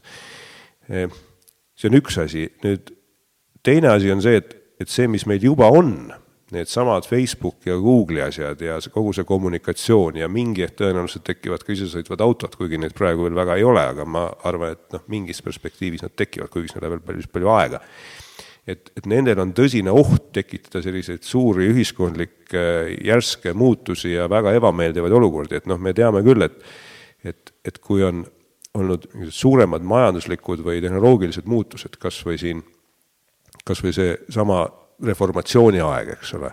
kõik sellised asjad, kus midagi järsult muutuvad ja siis näiteks see tööstuse tekkimine, eks ole, siin üheksateist sajand, et nendele kalduvad järgnema niisugused hädad, revolutsioonid, sõjad, väga segased ajad, kuni see olukord jälle stabiliseerub mingisse uude stabiilsuspunkti ja ma kardan seda ja ma arvan, et et me näeme küllalt palju selliseid jõhkraid ühiskondlikke ja poliitilisi mullistusi veel enda eluajal, mis tuleb kõik sellest, mis meil juba on see on ikkagi see, et noh, nagu oli reformatsiooni ajal, et tekkis trükipress ja informatsioon plahvatuslikult hakkas lai-, laiali inimeste vahel hakkas levima, et nüüd on sama asi siis internetis ja, ja, ja ühesõnaga selles maailmas. ja, ja selles tehisintellektis, mis juba on, sest see Facebook ja Google'i tehisintellekt on juba päris võimekad meie, meie arvamusi kujundama. no ma seda igapäevaselt näen oma telefonis või arvutis, et kuidas ta teab mingeid asju, mida ta ei peaks ja ta mõjutab sind. ma arvan, see on olulisem kui see, et ta teab, on see, et ta mõjutab sind. ei, ta pakub pakub mulle asju, mida ta ei tohiks teada, et ma tean, et ma tahan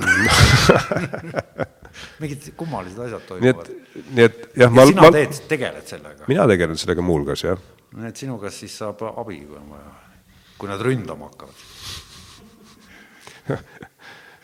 no selge, aga suur aitäh tulemast ja, ja Tanel ja siis võib-olla järgmine kord, kui räägime, siis viie aasta pärast näiteks singulaarses? jaa, miks mitte. tänud kutsumast, see oli väga, väga tore õhtupoolik. jah, ja kusjuures järgmine nädal on lubanud äh, külla tulla äh, Hando Tõnumaa, kas sa tead Hando Tõnumaad? ma olen kuulnud küll, jah. et, et siis äh, saab hoopis teise nurga alt mingeid perspektiive avada, et, et, et ma, ma et see on hämmastav, kuidas jah, kuidas me mitte midagi ei tea. tore ka. aga veel üks küsimus. kas sa usud kõrgematesse jõududesse kui inimene uh,?